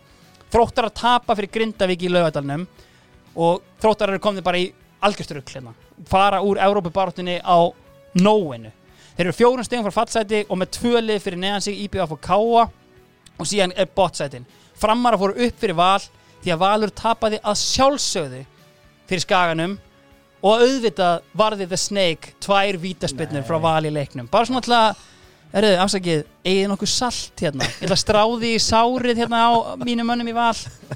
Herru, uh, F.A. vinna svo eigamenn með sigumarki frá a young fella called Emil Hallfreðsson Mættur, Mættur, velkomin Stengur með Jó hafði þarna cancel út mark frá Heimi Guðjóns og jafna leikin en tvöföld skipting hjá Óla Jó Jónas Grani og Emil. Og þeir auðvitað samin að krafta sína fyrir sigumarkið 16. umferð. Fylgismenn tapa og tapa og tapa. Þeir tapa fyrir skaganum sem eru þarna keirðir áfram á heiftinni á bladamönnum og fótbolta.net og eru komin upp í annað sæti og káeringar við þetta klintsa titilin í Grindavík í 16. umferð 16. umferð já, vinna þarna Já, nei, þetta er átjánum fyrir já, já, já, vinna sko veist, mjög tákgrænt Sigurinn Ólafs maður leiksins auðvitað maðurinn sem hafði fjórum árum áður bjargaðin frá falli í Grindavík með Já. tveimur mörkum uh, Ólafur Bjarnason hafði komið Grindavík yfir smá sker en þú veist Arna Gunnlaus er komin í form hann hætti tvö og, og venni kláraði svo leikin þannig að K.R. er orðin Íslandsmeistar hérna eftir 16 umferðir uh, fjórði titillin á 5 árum veist.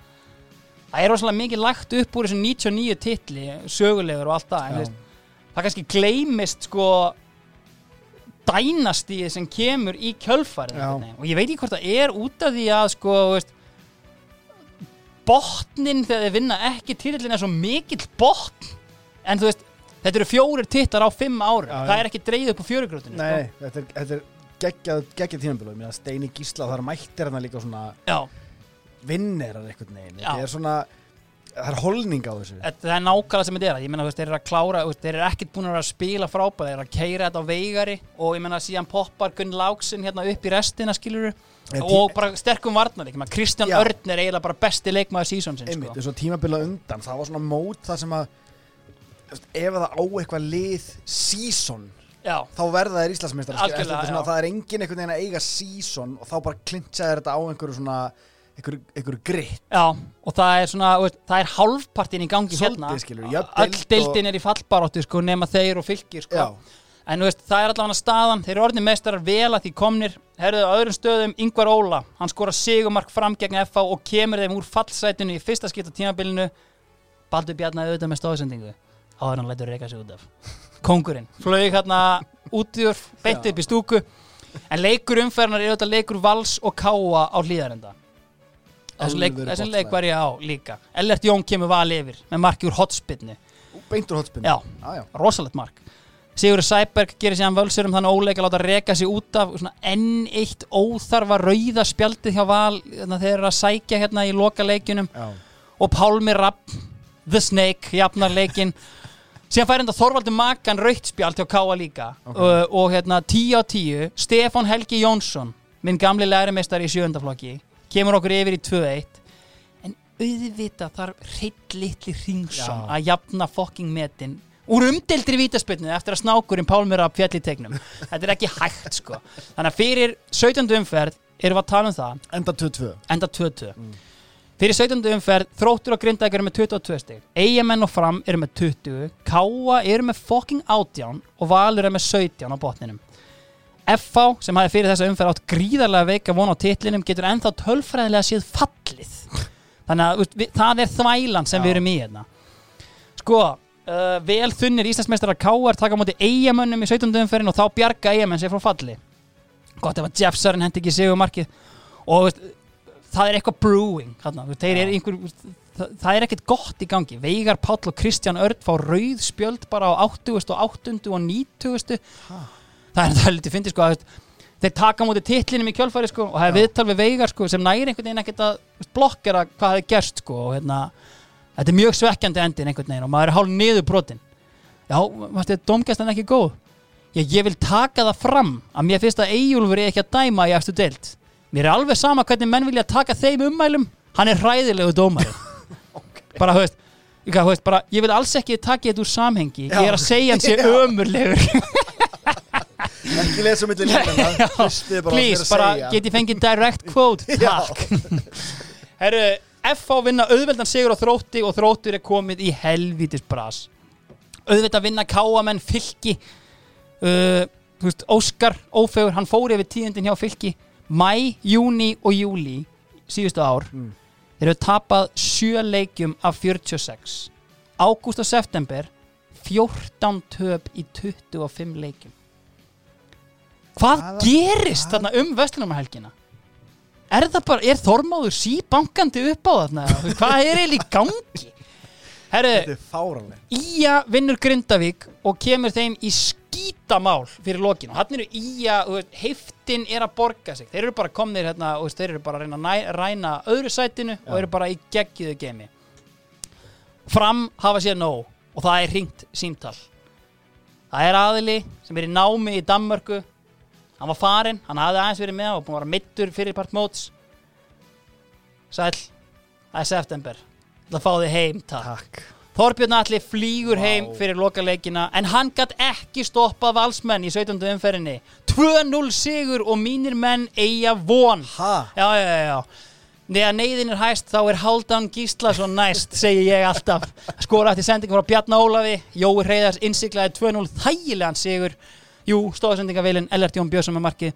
Þannig að við erum að tala um það, staðan fyrir lokaumferðina.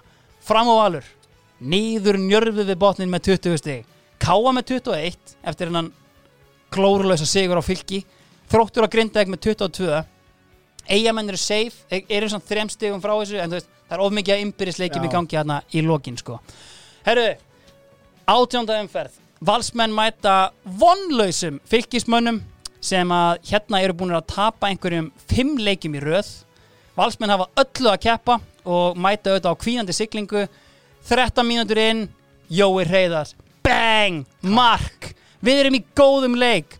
5 mínútur setna er Bjarga á línu og valsmenn eru bara í gjörsamlega sturliðu geimi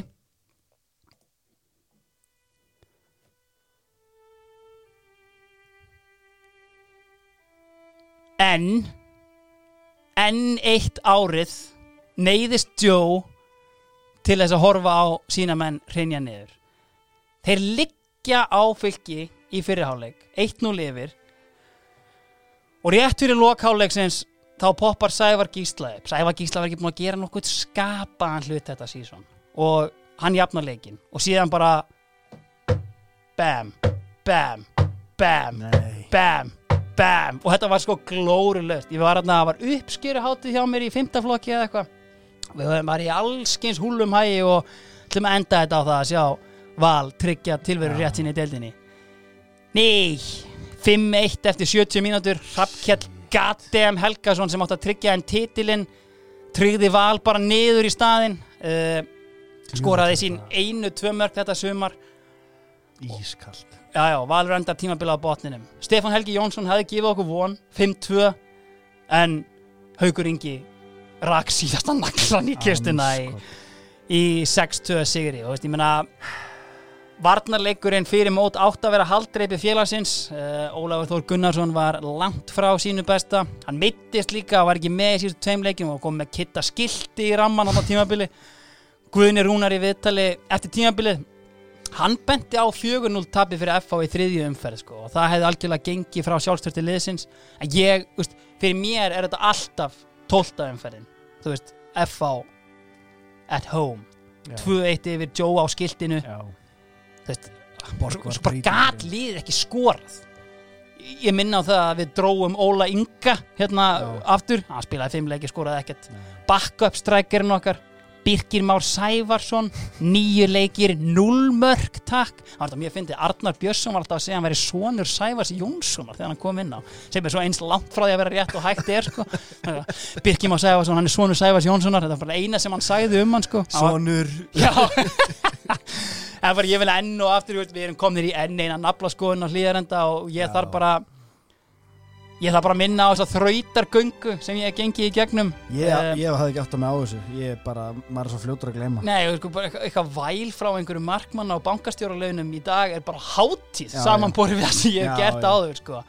Þannig að ég einhvern veginn, veist þetta var samt, sko, veist, að því að vonin var, veist, og við klúðruðum þessu 100% sjálfir Já. það er ég eiginlega svona, það var þetta herfilegt að ná móti blikunum, sko, en þú veist en þetta er allavega hann stað uh, Þetta var í þeirra höndum engöngu já, Faktist. En þú veist og bara, e- og bara svo innilega lítið nála þessu, ég man þegar fymta marki kom sko, veist, kunningi minn, hann fór bara að hlæja. Bara, veist, hvað erum við að gera hérna? Bræði nei, allan hérna, veist, er, en ok, það þarf allan eitthvað lið að það þarf eitthvað lið að fylgja okkur niður. Þannig að hérna við þurfum bara að vinda okkur aftur í við þurfum að vinda okkur aftur í klæmaksið uh, valsmenn, þeir klára tímanbila á botninum. Allavega framarar mæta þrótti Ok. og Grindavík mæti káa þú þú sérðarlega að það eru bara innbyrðis leikir hvaða lið er að fara niður. Heru, það er markalöst í báðum leikjum lengi vel inn í, veist, bara alveg að lokum fyrir hálfleiks. Þá dúkar upp maður í laugardalnum. Þetta er hans staður, þetta er hans stund. Já Carnell Ok Hörðvita skorar Kristján Brooks og kemur frömmurum yfir gegn þrótti. Það eru Steinar Tenden, hann skorar svo og kemur káamönnum yfir. Þannig að á þessum tíma Valur að skítapa Mm. uh, og þarna eru bara Valur og Grindavík á leiðinni niður. Já 88. mínúta, kötturinn Keli laumar sér úr hafsendinum upp á topp, Ólafur Örd Bjarnar með flikkið, Kekits, bang, goal. Grindavík halda áfram sínu rekord að hafa aldrei fallegur eftir deilt þróttarar eru fallnir. Nei. Þetta er ótrúlegt. Ég meina, veist, hvað getur þú beðið um meira? Ert með gullskóin Björgulur Taki Fúsa þú ert með silfurskóin Sören Hermansen. Shit. Ert með Fjalar Þorgers í markinu. Veist, hvað, veist, Haldur Hilmis hann var líka að spila eins og engi þetta tímabil. Þannig að ég eiginlega svona, þú veist þetta er algjört rannsóknar Þeir eru efni á toppnum þegar mótið er hált. Já, þeir eru á toppnum þegar mótið er hált. Og ég einhvern veginn bara svona varða að taka stöðuna á þessu. Og ég ringdi eitt símtal. Sko, fjallar, nennur kannski bara þú veist, nennur bara að segja okkur hvernig þetta var? Veist, hvernig fór þessi leikur til dæmis að á móti skaganum? 0 eða 3-1 eða eitthvað slíkt þar sem að Björki stelur boltarum á markmannum þegar hann er búin að setja niður og veit ekki á hann fyrir aftan sig. Einmitt, já, og eftir þetta þá byrja bara hjólin að rúlla. Já, og við vinnum einhverja hvað, 6, 5, 6, 7 leiki í röð já sem sex, að, sex leikir rauði dildinni, einmitt. E, já, og hérna e, og erum hérna efstir bara eftir fyrirumferðina og eigum svo já, svona þegar maður lítið tilbaka og rínir að sýta, þá eigum við þá er það sem að þetta vendi punktur á tíðanbili finnst mér, það er leikurinn í, í frostaskjólinu. Já, einmitt. mitt sumar Það í þeim leik þá sko Geiri El, oft verið kallaður svona taktíski prófessorinn eh, með sinn sóknarleik og annað en tekur þarna Björgólf Takifúsa úr liðinu uh, og hefur Sören Hermansen einan upp á topp hvað var svona pælingin hjá Geira þarna? það, veistu það, ég bara ég veit það ekki. hann, hann átti oft til að, að pröfa ykkur hluti sem að sé hann algjörlega virku Já, en hérna og með minni mér sé að þarna sko Björki var á bekknum og gott ef hann kom ekki inn á bara fyrir Sören í Í hálfleik. hálfleik, einmitt, já. hann hefði verið eitthvað búinn að plana þetta fyrirfram sko, og svo þú veist það er alltaf ef og hefði sko og, Mm. og hérna ef að Björki hefði byrjað inn á við hefum verið þarna með þá tvo markaskorarna í liðinu og reynda kannski að herja aðeins meira á káringana hvort að það hefði dögað frekar til sigur, mann getur ekki sagt um það núna. Nei, en þarna eins og spýrallin fór fram á við í fyrirumfyrinni, þarna byrjaði aðeins að spýrallin að fara í, í öfu átt fyrir okkur eftir þetta tap. það mitt gerir það og þarna, ég held sér mjög fljótlega sem að þið spili þarna leik og, og það er þarna aðtiklisvert atvik þegar Charles McCormack, uh, hvort það er í tíundu umferðinni, er að fá skiptingu út af vellinum og tekur hérna eitthvað bræðiskast og fær rautt spjald. Uh, var þetta svona ólíja á eldin á þennan spíral sem við erum búin að tala um? Já, ég meina klálega þetta er svona svona hlutir hefur að kannski með, við vorum potið undir í þessum leik og við erum eftir leikin og gera ykkur skiptingu og, og gæðin sem er að fara út að sparka boltanum upp í lofti og fara rautt spjald og þá, séð, þá standa hinnir eftir tíu og þurfa að fara að sækja eitthvað auðvitað eru menn ekki sáttir við, við svona hegðun sem að hérna, gerir nákvæmlega ekkert gott fyrir liðið enda minni með að hann hafi farið heim hann, eftir þetta. hann spilaði með ekkert meira og ég var svona, ég velti fyrir mig, var hann rekin heim eða? Já, mér minnir að það hafi eitthvað verið þannig sko. Ég held að Geiri Kallin var náttúrulega ótrúlega góðu maður og, og hann hafi örgulega haft tækifæri til þess að gefa hann um einhverjar áminningar á undan. Hann var náttúrulega, þó að Charles McCormick hafi verið fínasti drengur og, og hérna og góður knarspinnumæður og þá, þá svona, það vantaði smá upp á agan hjá honum já, ég skil. og, og þarna var bara, þetta var komnið sem fyllt í mælinn og hann, hann fór heim eftir þetta. Ef við höldum áfram að tala bara kannski um leikminni sem hóp, sko, Sören Hermansen, þetta er svona gæi sem hefur orðið svona hálfgjört folklore hérna í, í deildinni, veist, kemur hérna inn, skora tíu mörg, spila svo ekkert meira hérna, en svo, ef maður rínir í tölurnar, hann var til dæmis ekkert með neitt sérstaklega góða engun svona overall hjá, hjá Devaf, þú veist, var það miskilningur hjá Devaf, ég held að hann hafi til dæmis verið sko á listanum yfir tíu slökustu leikmenn deildarinnar í engunagjöf, var hann engöngu markaskorari eða, veist, eða var hann góður? Hann var, sko, sko, ég rínum aðeins í þann leikmann, sko, Já. hann hérna ótrúlega klár náungi og klár fótboltamæður. Já, Hann var ekki stór, hann var ekki sterkur, hann var ekki fljótur, hann var svakalegur í slúttum inn í teig og staðsetta sér rétt og þegar hann fekk færi þá, þá skoraði hann yfirleitt. mhm, Eh, til þess að sína bara hversu klókur hann er bara í sinni framtróðun þá er hann að starfa fyrir danska knarspundusambandi í dag og, og ég hitt hann mér sér úti á hérna U21 mótinu úti í hérna Ungarilandi mm, og hann er sta- starfað það bara í, í, í góðu starfi. Mhm, en smá útúrdúr en, en hann sem knarspundumæður ég, ég tek kannski ekki undir að hann hafi verið með slakari mönnum nei, í deildinni. Það er svolítið erfitt að hérna, erfitt að svona sanna það sko, en, en, hérna, en, en, en hann er kannski ekki hann, hans leikur byggðist að þessu að vera rétt staðsettur og hann þurfti að fá service til þess að mhm, skora mörg algjörlega. en hann skoraði mörgin heldur betur. Og annar leikmaður kannski sem að ég, byrjar ótrúlega vel. Hjálmar Þórarins, 17 ára gamall eh, skorar þarna eftir einhverjar 80 sekundur í fyrsta eh, hvort það var í fyrsta leik, er það ekki? bara á móti Káar og ég menna, Hjálmar er á þessum tíma talin bara nánast einn efnilegasti sóknamaður veist, var það þú veist, keysið eða var það smá hæp eða þú veist, ég menna þeir að fara inn í mótið með hörku svona Dominos tríó hann frammi?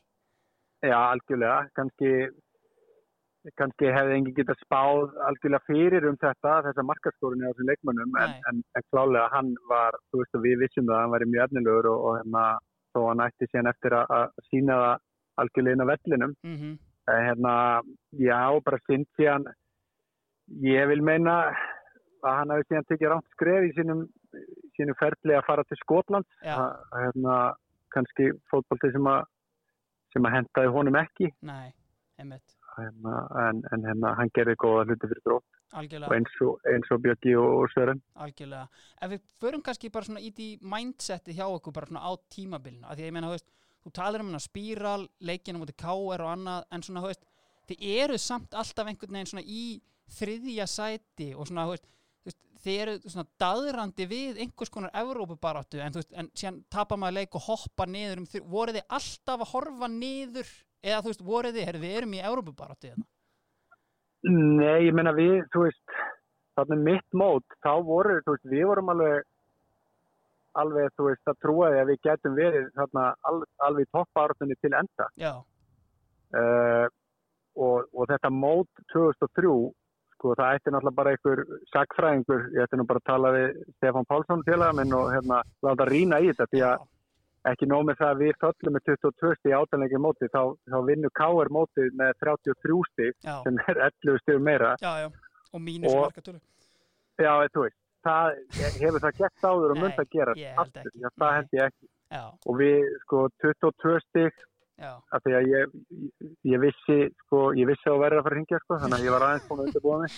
Hérna, 22 stík í átalegja móti gerir, sko, 20, og- það er 27 stík í mótinu í dag, Já. ef þú reknar bara hlutaslega stík, einmitt og það er bara að gefa, þú veist, 7. seti, alltaf og, og hérna og sér það líka þetta mót að hérna það er eitthvað lið sem var með jafnmörgsti og við, svo voru bara 23, 23, Já, já. 24, 25 já, ég meina þú veist og svo einmitt liðin í þriðja og fjórða sæti eru kannski að bjarga sér í umferðin á undan sko.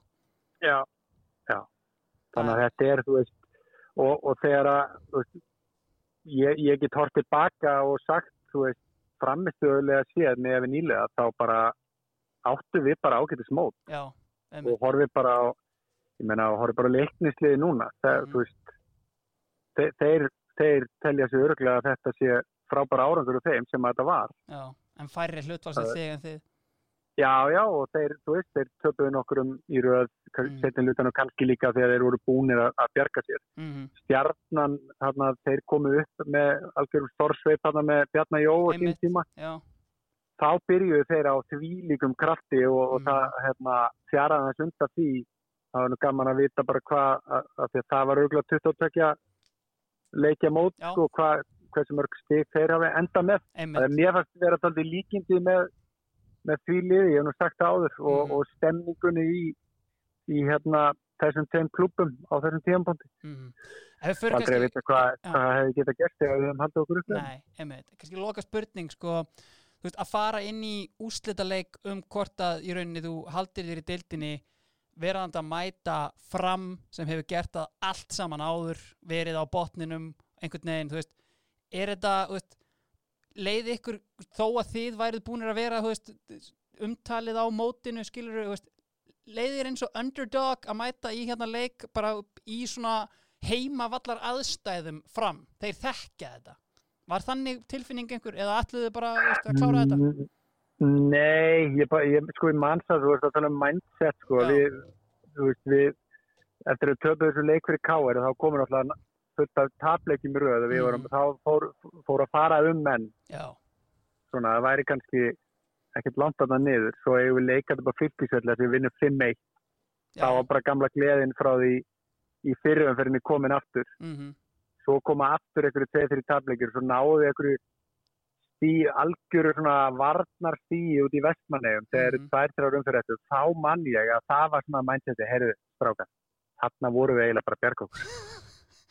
Já, og svo bara verði einhver úrslit í öðrum leikjum í, í næstu leikjum. Já, þannig að þetta er bara möguleik í senustu umferðinni ef að einhver úrslit fara og við töpum, mhm, þá erum við bara farnir niður. Já, En leikurinn slíkur í síðustum fyrir, nei, ég fann ekki fyrir því að þetta væri, veist, við varum underdogs, mér fannst það bara að vera 50-50 leikur. Við spilum okkar heimaleiki á lögabærsveiti líka, einmitt alveg eins og þeir, sko, þannig að þetta var nú þannig sér alveg hlutlust.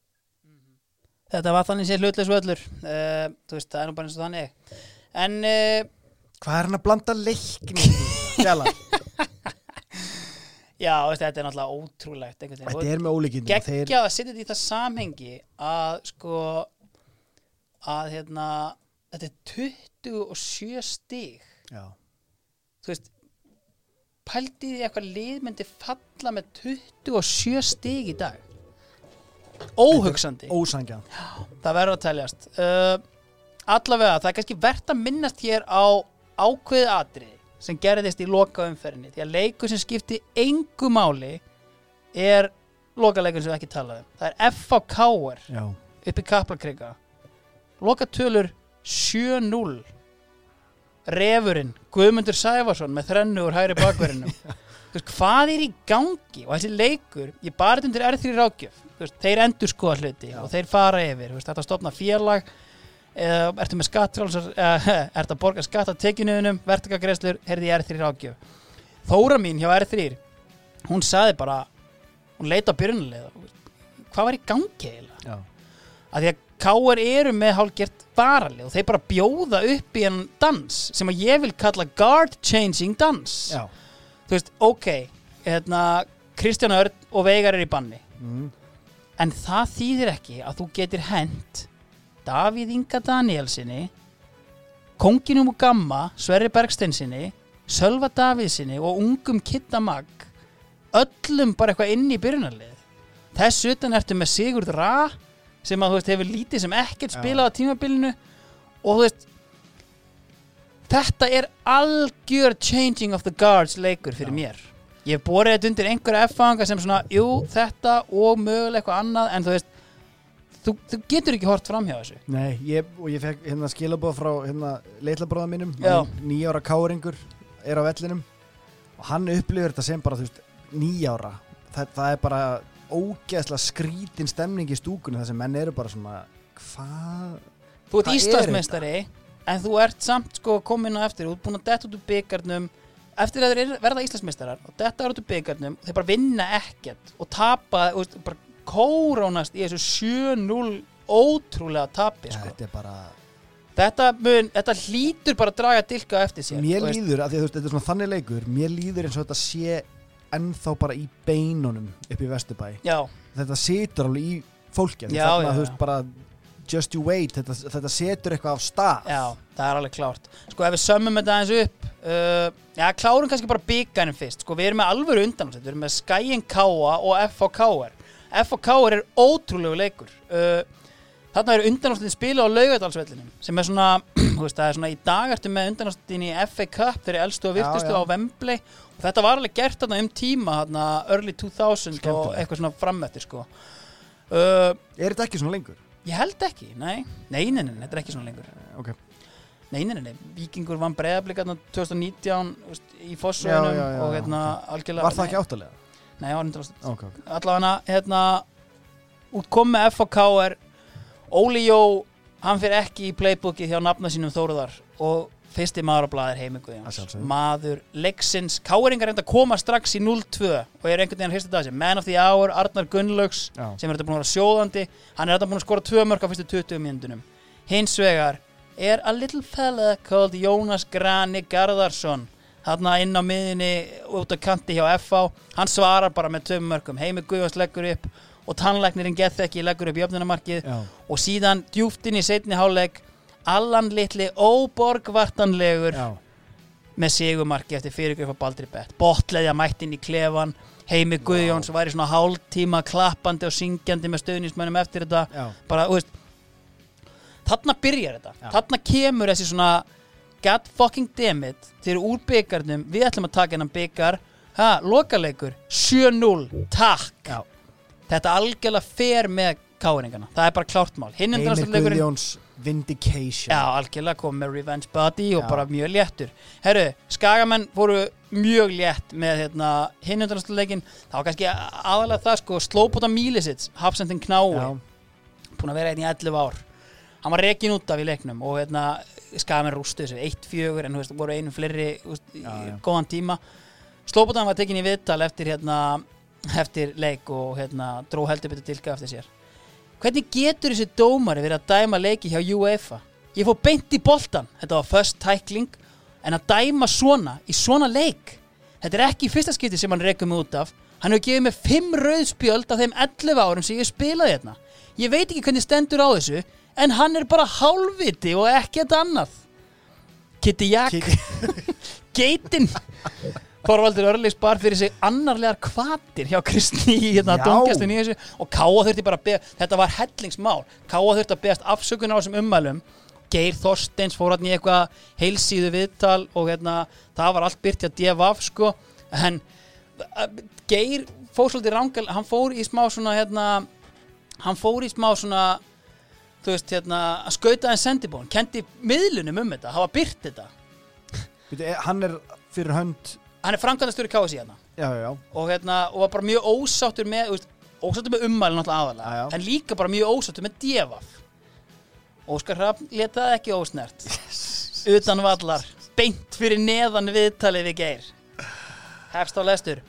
Káamenn kusu að fara auðveldu leiðin eftir tapsitt gegn skagamennum í undanúrstum byggasins þeir kendu dómarunum alfarðum tapið í stað þess að líta í eigin barm og voru stór orðlátin falla við bladamann devaf eftir Sá bladamann þurfti ekki að toga stóriðin út úr þeim með töngum heldur fekk guðsuna beint í æð Fúkirðin sem fuku af vörum norðanmanna voru með mestu óleikindum og þess eðlis að eitthvað varð að gera. DFF ákvað að byrta þessu ummæli á baksíðu blaðsins í gær til þessu fær ekki fram hjá neinum og fórustu menn knatsbyttumála get ekki komist hjá því að grípa til aðgerða. Það er nú einu sinni þannig að yfirleitt þurfa menn að bera ábyrð á orðum sínum. Káamenn byrtu fréttatilkynningu í gær þar sem þeir báðu dómara leiksins afsökunar á ummælinum en að öðru leiti væri máli búið. Það sem vekur hins vegar mesta aðtikli mína, hann er komin í bara ég, Já. eru viðbröð Geirs Þorsteinssonar framkvæmdastjóra KSI þegar ummæli káamennar voru borin upp á hann í gær.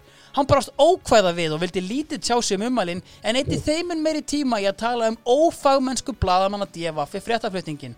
Svo staðrind að þetta var gert að stólmáli vittist fara illa í hann en það er svo komið að hann einn hefur allræðisvald þegar kemur að því að refsa mönnum fyrir ósæmilega hegðun eða rætin ummæli.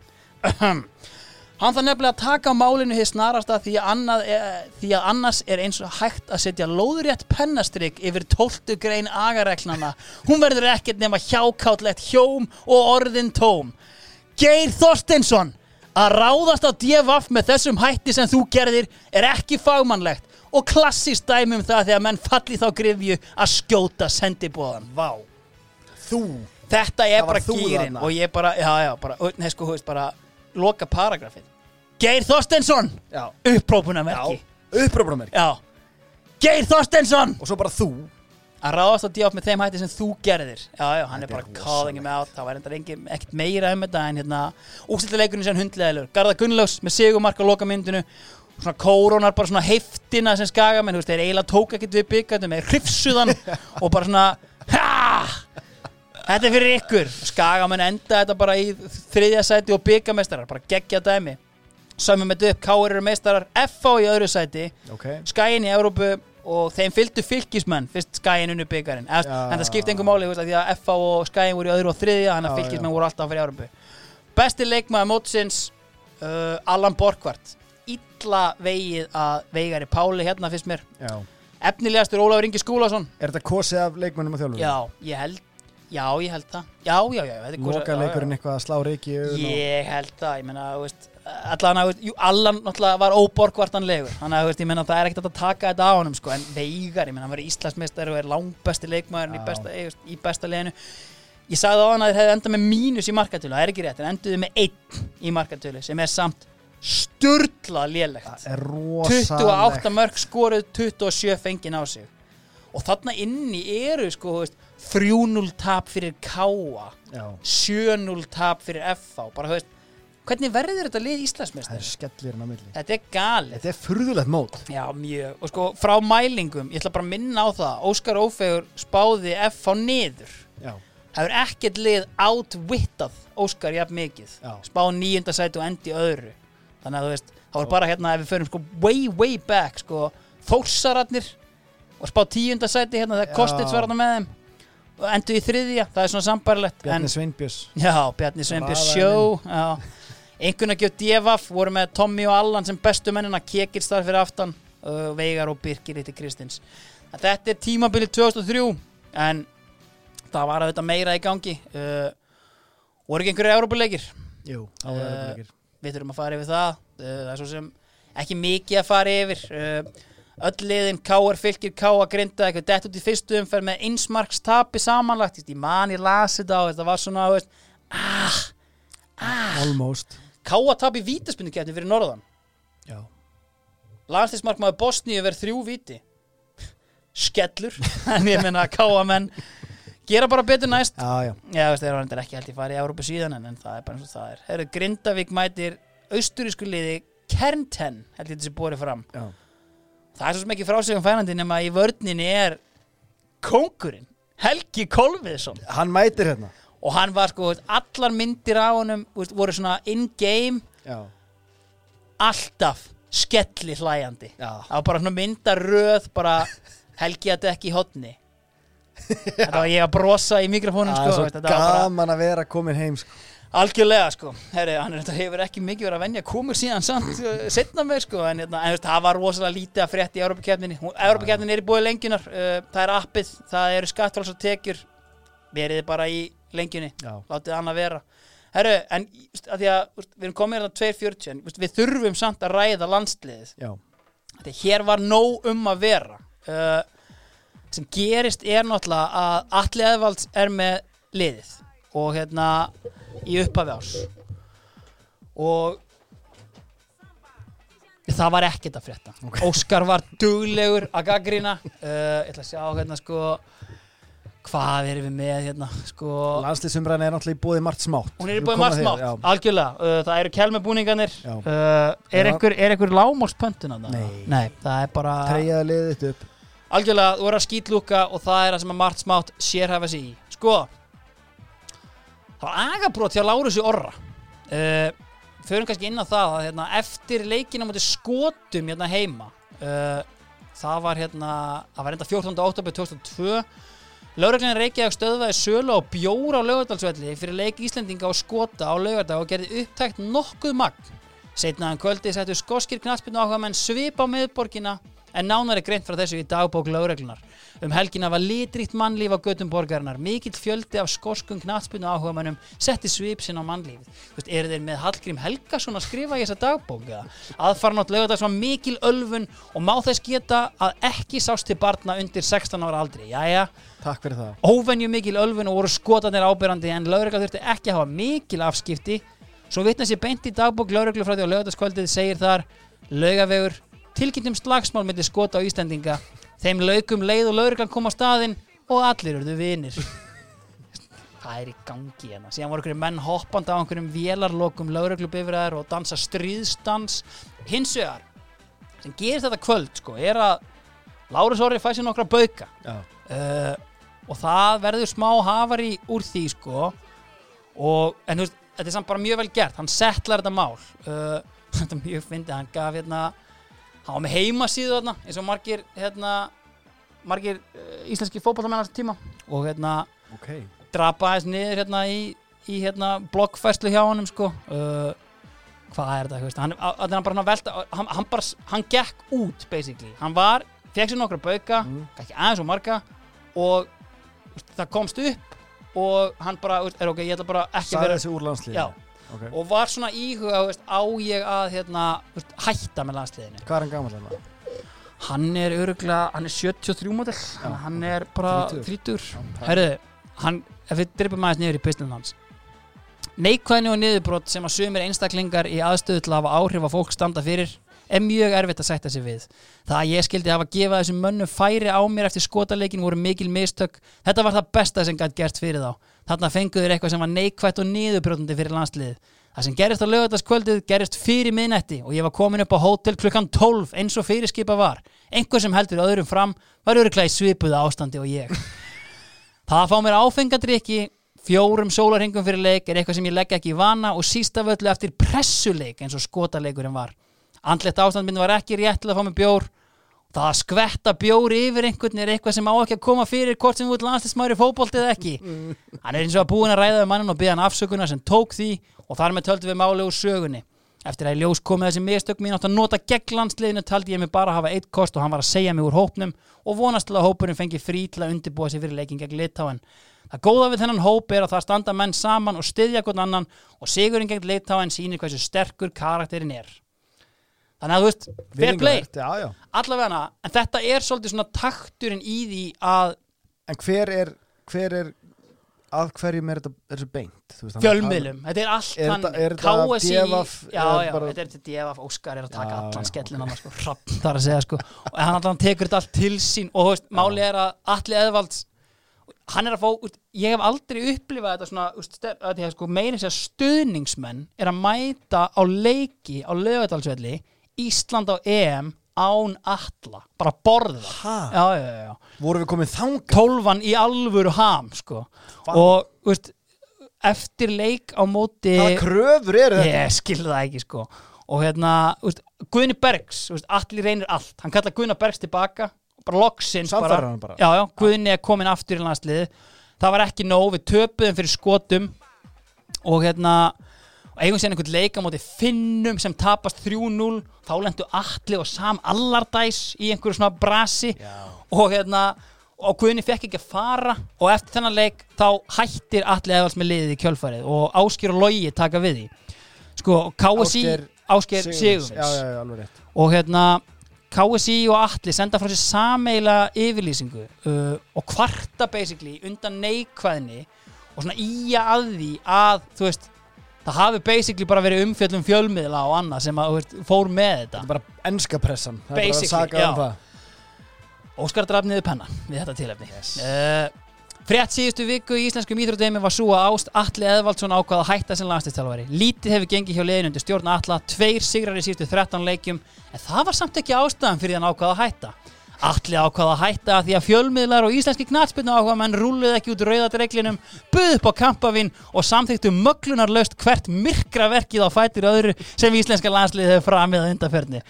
Það heyrðust neikvæða rattir úr mörgum hotnum og það var of mikið fyrir landslistjálfarinn og forráðamenn sambandsins. Nýrmaður var ráðinn ekki endilega til að ná betri árangri eins og kom fram í sameigilegri yfirlýsingu heldur til að stoppa nöldrið í íslensku þjóðinni og fylgja þjóðin á bakvið nýjan fóringja. Það verður nú reyndar að viðkennast að það hefur aldrei verið sterkast að liði núverandi fóristu KSI að líta í eigin barm. Þessi yfirlýsing þeirra færir sönnur fyrir því að ástandi á landslegin á rætu sínar að rekja í þeirri staðrend að menn innan sambandsins hafa stungið höfðin ofan í sandið og neitað að horfast í augu við staðrendir. Frá þeirra bæjadýrum séð hefur allt verið í fínasta lægi. Það hafa bara verið utan að komandi öll sem hafa stundan þann ósið að sundra landsliðinu fyrir leiki og gert það að verkum að árangurinn hefur ekki verið eins og menn hefur kosið. Fórustumenn KSI verða að koma niður, get this, úr fílabeinsturni Já. óskeikuleikans hvar þeir hafa hreyðrað um sig í skjóli gríðarlegra fjármuna frá knatsbyrnu samandi Evrópu, tekjum vegna sjónvarsútsendinga og vinselda knatsbyrnunar á Íslandi. Menn eru þótt ótrúlegt megi virðast ekki ósnertanlegir og gaggrinni sem slík beinist aldrei að persónum þeirra sem manna sem um er að ræða. Þeim er frjálst að gaggrina mig, mínar skoðanir og skrif hvar sem er og hvenar sem er, en þeim er þó hotlast að telja sjálfan sig ekki yfir gaggrinni hafna. Slíkt hefur engöngu í fór með sér að menn verða værukjarðir og fljóta að lokum sofandi að feigðar ósi. Þetta er gaur. Þetta er geðveikt sko. Allan að Áskir og Logi taka við og það er bara nýtt upphaf einhvern veginn. Óskar er enda duglegur að minna okkur á að við erum ekki að geta neitt en við erum að tikka inn sigurum vinnum þetta færinga tekið nýju hendur í vinnir á 90. mínútu. Við rústum litáen sem er fyrsti úti sigurinn okkar í þrjú ár og síðan koma þessi frægu Þískalandsleikir Já, og fyrir þann leik Orri Eriksson, þá erum við bara á toppnum í riðlinum. Við erum í bullandi sjens og við fáum þjóðverjana hérna í heimsókn á laugadalsvellin Rúti Föller að þjálfa Ballak er á miðinni, Já. Kahn er í markinu. Já, þeir eru silfurlið HM Já. en þeir eru reyndar í sögulegri lægð og eftir þetta kemur hérna Das Reboot og, og allt það sko. En Bakkalótur gefur þetta lag tengslum við þetta, geggja lag. Vindbandið er einmitt sko frá held ég Ísland-Þískaland sko fyrirleiknum. Og síðan er meira þess að klippur notaðar úr hérna 3-0 tapinu sko við gerum jafntefli við þjóðverja 0-0 Já. og þú veist bara Óskar bara veist, orðin ekkit eðla jákvæður bara- Heiðar Helgursson í grillin og kan Já, heldur betur. Og þú veist bara hérna þannig að þú veist, við erum með eitthvað brewing og náttúrulega fyrir bara, þú veist loka leikurinn en náttúrulega bara Ísla, Þískaland Ísland. Það sem við erum basically rændir þegar Hermann Hreiðarsson skorar. Alveg rétt bara í sko Já. annarkvort í stöðunni 1-0 eða 1-1 nei fyrir ekki, 1-0 eða 0-0 Já, já, já. Þú veist, þetta var bara veist, gleymi ekki sko hérna.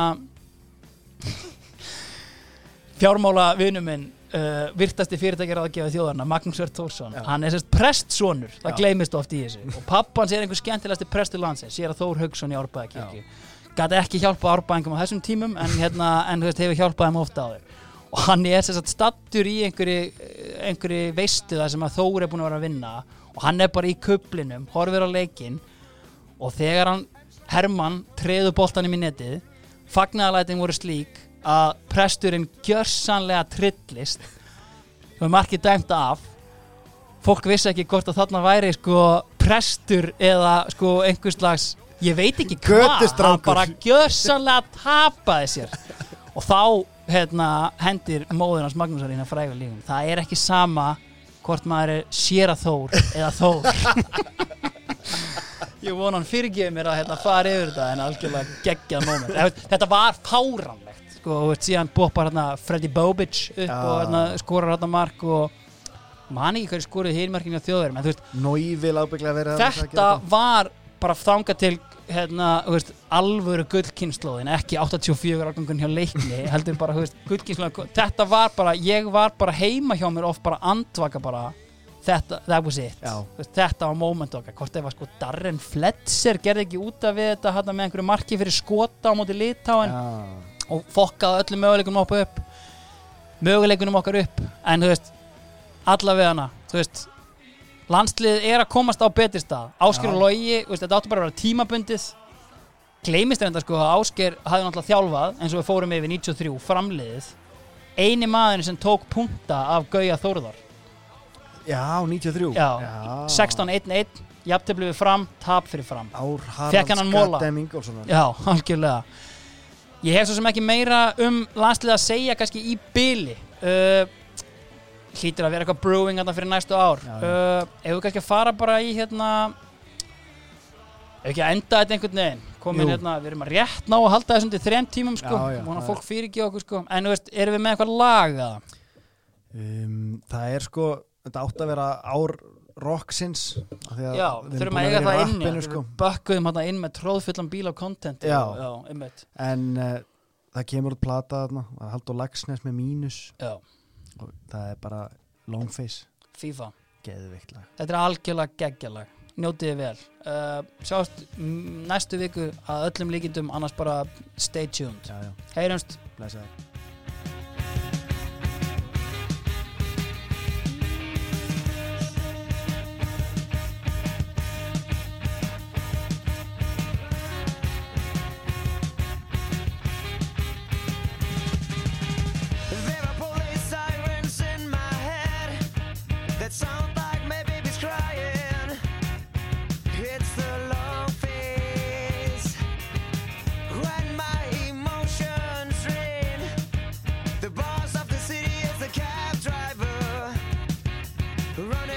to my face.